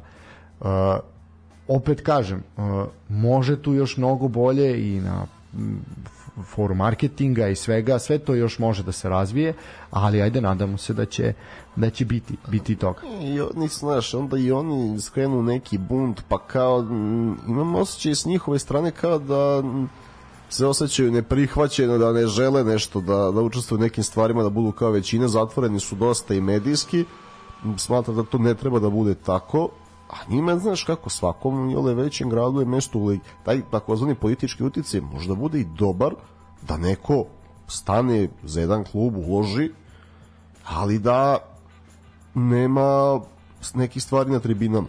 Ja sam uvek da se, da se stane uz da svaka sredina stane uz, uz svoj klub. Da zaslužili su svaki doček, priča je dobra, vidim da slave svog trenera, slave svog kapitena, I to je, to je ono što futbal jeste. Nadam se da će biti još takvih priča da, da se priča o futbolskim stvarima, ali mislim, znaš, cela poenta pazara, ono što smo pričali, ta botaza, znači za svaku loptu, nevjerovatno koliko smo na svakoj lopti, sad mi nije žao, tačno se vidi malo je ova Instat platforma zakazala oko nekih preciznijih podataka. Ja bih stvarno volao da se izvede prava statistika kako Pazar stoji u 50-50 duelim timski i igrači individualno. Znači, imam stvarno osjećaj da su broj jedan u ligi u tome. Onako, kad, kad i gledaš površno. Pa, on, dosta tu sad, znaš, malo je, ali to je opet ona priča koju smo, koju smo imali, a, malo je teško ispratiti, ispratiti tako neke, tako neke stvari, jer nije dovoljna, dovoljan fokus na našoj ligi da možemo da imamo precizne podatke. Mislim, Instat jeste, jeste brljao, brljao ove sezone više puta, ali uh, ne znam to je sad sve opet Znaš ka, ok, Instat se tek ove sezone pojavio za našu ligu, ako se ja ne grešim, tako, prošle godine je potpisan ugovor. Ovaj, da je da ima zvanično to da se mogu i prenosi pratiti i sve to je sve prošle godine tek tek krenulo. Ne, ne ali imaš ti ranije statistike da radiš analize. Da. E o tome pričam, nešto su tu u svemu tome su izgrešili jer ne može, mislim, znamo da Zvezda neće imati posle 30% protiv Kolubara i sad ne mogu da se uzdam određene podatke da iznesemo ovde slušalcima i da kažem e, Pazar je lider u tim i tim statističkim kategorijama, a drugoj platformi Vice Scout trenutno nemam pristup. Tako da kada dođem do pristupa određenih platformi budem siguran neke podatke, bavit ćemo se malo i time, nek ne brinu slušalci, nećemo ih opterećivati, nego čisto malo da ono što mi pričamo da dobijemo što vidimo golim okom, da za to dobijemo i statističku potvrdu, znaš. Jer eye test plus statistika, to ima smisla. Puki podaci nemaju smisla bez onoga što se prati. E, tako da, eto, šta bismo, imamo još malo da... Da, pa možeš da ovaj, imamo vremena ajmo da možemo... vidimo tu Evropu malo. Ko... Može, može, može. Ovaj... Partizan, Nica i Trabzon, Crvena zvezda. Šta šta ajde ajmo, prvo, ajmo malo prvo što je bitnije takmičenje Da, više. Trabzon, Crvena više zvezda. Se okrenu Zvezdi pa Partizanu smo. Crvena zvezda mi je zaslužila da izgubi od Monaka. I nekako mi je, znaš Bilo kako? je bar bar su bili, realno. Vidi, ja ću da kažem jednu stvar otvoreno. Meni je Miloš Milojević ovako zbog nekih stvari odnosa sa mojim prijateljima i pristupa futbalu uh, simpatični čovjek od prethodne dvojice trenera u Zvezdi. I žao mi je da se neka sreća koji je imao prvenstveno njegov prezimenjak, ona se lomila i na Stankoviću i vidim sad prvi meč u Evropi nastavlja da se lomi na Milojeviću. Utakmica nije bila loše spremljena, jeste Monako bio trkački malo slabiji zato što su imali, pazi, tako su pristupili utakmici, bila je između Paris Saint-Germaina i Lyona. I odlučili su se da intenzitet bude najmanje na Crvenoj zvezdi u Beogradu, što i pritom su uspeli da pobede, tako da sada je Monako u dobroj poziciji, i sad Zvezda mora da se uzda da će Monako da nastavi da pobeđuje Ligi Evrope. Kako bi oni u međusobnim duelima s Trabzom i Ferenc Farošem tražili prolaz i nadali se onda da u tom poslednjem kolu Monaku domaće prvenstvo bude preče, da prolaz bude obezbeđen, da traže svoju šansu u Francuskoj, da, da se povrati. Uh, malo sad pričalo se o sudi, dobro, bile onako kuknjave, ali mislim da taj sad to mora da se u pravilima onaj penal za, za zvezdu. Nije sporno da je bio penal za za Monako. Za Monako. Nego e, šutirao je čovjek neometano slabo, jel, desnom nogom i onda je pokošao. On mu nije omeo šut, ali ga je pokosio i sad ja iskreno ne znam egzaktno pravilo da li se to svira. Znači, čovjek je pokosio Bena, sa što Ben ne ume dobro da šutira desnom nogom i nema to težište, to je jedna stvar, ali on je de facto oboren u 16 tercu. Istina, istina. Tako da stvarno mislim da i igrački zvezda nije imala, nije imala sreće, mislim da je nerešen ishod bio i prvi bod koji bi bio puna kapa realan rezultat i da onda sa tim bodom idu u Trabzon. Trabzon ima probleme, Trabzon ima povrede. Primili su uh, tri gola u Mađarskoj, od toga dva sa igrače manje i malo su i frustrirani što im je VAR poništio izjednačujući gol za 3-3. Posledno što je dugo se gledao taj gol koji je Ferenc Varoš poveo 2-0, dugo se gledala situacija, Trabzon je izgubio i sada je za Zvezdu, sad Trabzon mora sve da usmeri u meč sa Zvezdom, ne znam ko će im se još oporaviti, ali nakon, kažem, nakon svega bi i bod za Zvezdu bio dobar, pobeda puna kapa iz Turske, jer generalno ta gostovanja su onako prilično neugodna i kad se vratiš sa bodom, znaš, zadovoljni su i, i jači klubovi od Zvezde. Tako je. Da. Ali onda Ferenc Varoš je da oni moraju da traže prolaz. Zašto? Zato što su oni u Ferenc, Var, Ferenc Varoš ako reše, oni su time obezbedili barem treće mesto i Conference League. Što ne treba da podcenjuju. Zašto? E, zato što su videli sebe već daleko u Ligi Evrope. Ako vidiš sebe u fina, polufinalu Ligi Evrope, što je uz malo sreće čak i pazi, moglo da se desi jer ti nisi bio inferior protiv Rangersa, pa zašto onda ne vidite sebe u završnici Conference Liga, da igrate Evropu do do aprila maja. Ne treba da podcenjuju to treće mesto ako se desi, za drugu i dalje naravno imaju šanse, ali pauza im je potrebna kao hleb nasušni da bi Milojević video na koga i u kojoj meri zaista može da računa. Zvižduci Aleksandru Kataju, veoma ružna scena, ja ne znam. To sam, e, to sam prokomentarisao, to sam ovaj, Jer... pričao u prvom delu, a, bez obzira koliko on bio van forme i kogod da mu nešto ne ide, ne možeš njemu. Znači, to, to se ne radi, čovek vam, ono, izvadio ih je milion puta iz, iz problema. I Aha. Ivanić isto tako, mislim. Ja, ti, znaš da sam ja rekao, kad je izašao Kati u derbiju, sad nema ko da im da gol iz igra. Da. I to je, znači, samo je Partizan možda mogao da da, drugi imao je šansu koju nije iskoristio ne možeš da zvizdiš Katar. Mislim, ne treba da zvizdiš bilo kome, ali gde... Pazi, on prvo, znači, prvo što je igra dobro velike utakmice. Drugo, što i na tim malim, kad dođe par hiljada ljudi, ta deca na zapadu i istoku, ako imaju nečiji dres, to je uglavnom on i njegova desetka i on ih uveseli nekim potezom na 0-0 po kiši vidiš da će da, da proturi nekom kroz noge, da ga prebaci, da pokuša lob, razumeš. Zviždati Kataju je sramotno, da li mu treba redukovati minutažu i koristiti ga drugačiji način, naravno da treba.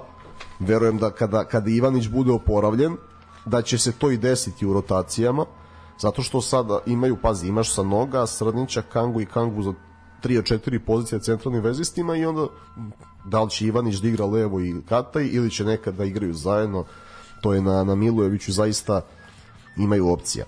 Mislim, ajde samo još kratko ovaj komentar na što se tiče Zvižduka, pa ćemo se prebaciti na Partizan e, i Nicu. E, u suštini, to je onaj problem i to je problem koji sam pričao baš sa ljudima kao uh, utakmica između Dinama i Chelsea i Zvezda Monako je vrlo simptomatična i vrlo slična, bez obzira što je rezultat totalno različit, ali tebi uh, dolazi publika većinski na stadion koja ne prati domaću ligu. Koja je karte dobila džabe uz gorivo, paštete, salamu i šta god ili u javnim preduzećima gde rade. Ovaj što je mislim jednostavno tako. Uh, I onda to su ljudi koji ne prate, ne znaju koji je moment u Crnoj zvezdi, ne znaju šta se dešava, znaju da je došao neki novi trener, ali ne znaju kako ta Crna zvezda izgleda protiv mladosti, protiv Kolubare, protiv radničkog i tako dalje i tako dalje. E, dođu sa nerealnim očekivanjima jer ne poznaju stvari. E, dođu prvi pre svega da bi gledali e, evropsku utakmicu, da bi gledali protivnika ok, nije Liga šampiona, ali jeste Monako, jeste izuzetno zvučno, zvučno ime. To je ipak krem, krem ovaj, sve, evropskih klubova. Ma, šta, ma gde bili u ovom momentu, jel? Uh, tako da, znaš, to su ljudi koji vikendom gledaju Premier ligu, koji gledaju tu ligu 1, koji gledaju druge stvari i onda dođu i očekuju to isto od Crvene zvezde u ovom momentu. U nekim prethodnim trenucima i sezonama se moglo to očekivati i to se i dobijalo, Sada to nije jednostavno realno. I onda ti se to desi, dođu nezadovoljni i onda ti onda ti zvižde, prave haos i onda se na narednoj utakmici ne pojave. Mislim na ligu. Znaš, e, tu je, i onda imaš ovaj. sablasno praznu Marakanu na, na domaćem prvenstvu, što je nevjerovatno. Nesvesno si izgovorio određene teze Vlade Đukanovića. Ovaj, da li, znaš, ovo kad shvatim sebe da se slažem u nečemu s Đukom, muštinem se, ali nažalost i tu bio, bio u pravu, pazi, kao, A to je kao tako, da godišnji navijač zvezde koji ide tamo na sve utakmice, vodi decu, Ovaj, to je to je beogradska, to je ono što više puta priča, to je beogradska odnosno zagrebačka publika je takva, ona dolazi da gleda utakmicu zbog evo, protivnika. Evo ja im poručujem, ja im poručujem da se ne iznenade ako Zvezda u poslednjem kolu u Francuskoj overi prolaz golom Kata i kad nadođu fizički i upoznaju se sa Mislim, poznaju se oni sa trenerom, nego nisu navikli da on komanduje. Da ali eto, uopšte se ne, ne bih iznenadio, posebno ako Monako već bude obezbedio plasman, da se desi baš to i baš golom kata je i tako bi po nekoj pravdi trebalo e, da se desi. Uh, a sada eto ajmo kratko ajmo malo kratko kratko Partizanu. ba, gledao sam malo Nica Keln i fore što ih je Keln ugrožavao tako da ako bi Partizan pokušao to na isti način tim dugim loptama u te zone to jako odgovara Diabateu. I Partizan ima tu sreću ali mora odmah da ide i da traži gol uh, za, da, da ne dozvoli Nici da se konsoliduje. Potrebno je, sad vidjet ćemo ovih, ovih izbora i svega toga, sad, kakve se poruke komešaju, ja bih volao jednu sinergiju koliko god ljudi da dođe i da sam starta znači Partizan u odnosu na derbi i Slovackog da je pokazao karakter, sad mora stvarno dobro da uđe u utakmicu, jer ako uđe isto u utakmicu protiv Nice, neće biti ni 0-1 kao u derbiju, ni dva gola minusa kao protiv Slovackog, bit će 0-3 do poluvremena i bit će potpuni haos. Znači, nije sporno da ti staneš malo pliće ili da pretpustiš posed, ali moraš da ideš na svaki duel u određenim zonama, što je Partizan potpuno promašio u dva prva polovremena, ali je dobro što posjeduju neki novi karakter. E, tako da imaju načina preko Diabate i Ricarda da ih ugroze i sa druge, mislim da će njih dvojica ovaj put biti bliže jedan drugog, a da ako se Menigo poravi, da će da mu se čisti strana. Da ostaje jednostavno, to ne može on i određeni vidovi saradnje sa, sa igračima su kompleksi za njega. Mislim da će pokušati da mu ostave jedan na jedan, da ima eventualno jednog čuvara i ako napravi dobar dribling da može da završava ili asistira. Tako da to očekujem od Partizana i bez Belića. Sada je vreme da Patrik Andrade pokaže zašto je doveden. On jeste došao kao slobodno, ali, ali ta plata sigurno nije mala. I sada, pošto Belić i ne može da igra, Da li će Natho igrati tako plitko, to je isto pitanje. Duše može biti pitanje da li će Menig igrati, pa možda bude opet isto, pa Menig bude menjao Natha, ali Andrade ima obavezu da isparira veznom redu Nice, pošto je parirao veznom redu još jačeg Marseja i donese barem bod Partizanu u Beogradu. Tako je, ja se slažem, slažem sa tobom. Mislim da smo rekli manje više sve. 5 do 9 je, moramo polago završavati. Kao što sam rekao i u samom, u samom uvodu, obeležili smo ovaj jubilej na ovaj način, ali nije tu kraj obeležavanja, imaćemo goste, bit će tu i naših drugara, bit će i ozbiljni gostiju i pričat ćemo i svakako ćemo nastaviti da obeležavamo obeležavamo i ovaj veliki veliki jubilej ali i nećemo da ga shvatati toliko ozbiljno ovo je samo prvi od mnogih. A dobro, ne moramo ni mi te šablonske jubileje, da, recimo možemo na 101, pa, da, pa to kao da, veliki da. ljubitelji zastave i da, da, jugoslovenske autoindustrije uh, možemo da napravimo jubilej sledeće nedelje i obeležimo. Jače, dobro je da evo, ja se izvinjavam slušalcima ako nešto nije valjalo dobro je da sam se uopšte i pojavio. Ne, odlično, svaka čast, svaka ali... čast. Ovo je, to je to, ovo je game changer, znaš, kad tako, takvim momentima se, se, se me, pojaviš. Meni se lično podigla energija, tako da sad ako odspavam, onda mogu, mogu i sutra za Beograd, jel da obavim neke stvari, da. daj Bože. E, tako da, ljudi, to je to. E, još jedan put, e, ono što sam rekao na početku ću ponoviti, zaista hvala svima, od Daška i Mlađe preko podcasta RS-a, od naše dragi Bilje koja nam, onako čovek iz Senke koji nam zaista pomaže, do zajednice CK13 koja nam je izašla u susret, do momaka iz Naivici Offside-a, eh, svih većinskih klubova u Superligi, od koji su nam ovi draže sam spomenuo na na početku, da se sad ne ponavljam. Zaista, zaista uh, svih ljudi koji su učestvovali, svih naših drugara i prijatelja koji su pomagali što tehnički, što gostovanjima, uh, zaista stručnih saradnika po znacima navoda koji su tu bili kada su nam neke teme bile nepoznate kao što je na primjer bilo automoto industrija pa smo Daniela, Daniela uposlili koji se fantastično snašao u tom, tom momentu. Hvala svim drugarima koji su bili eto, i zabavljali se ovde zajedno sa nama.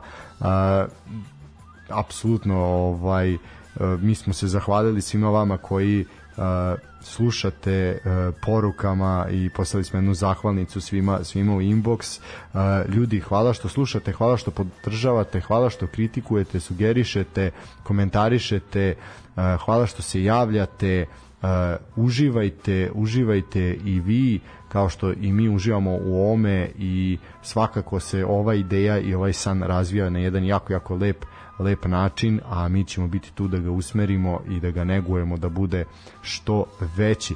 Ljudi, toliko od mene, uh, laku noć, to je to za danas. Laku noć, ja ću se zahvalim tebi što si me posjetio koliko volim domaći futbal, ovaj, koliko mi, sad shvatim da mi nedostaje emisija maratonac SOS, ali mi smo ipak malo naprednija tehnologija, uh, i to je to i naravno hvala, ja bih se zahvalio istim ljudima i dodao bih to što si rekao ima nekih klubova koji su nam draži, voleo bih da saradnja ide u tom smeru sa svima da ne znamo ko nam je draži na nivou i Super Lige i Prve Lige Srbije.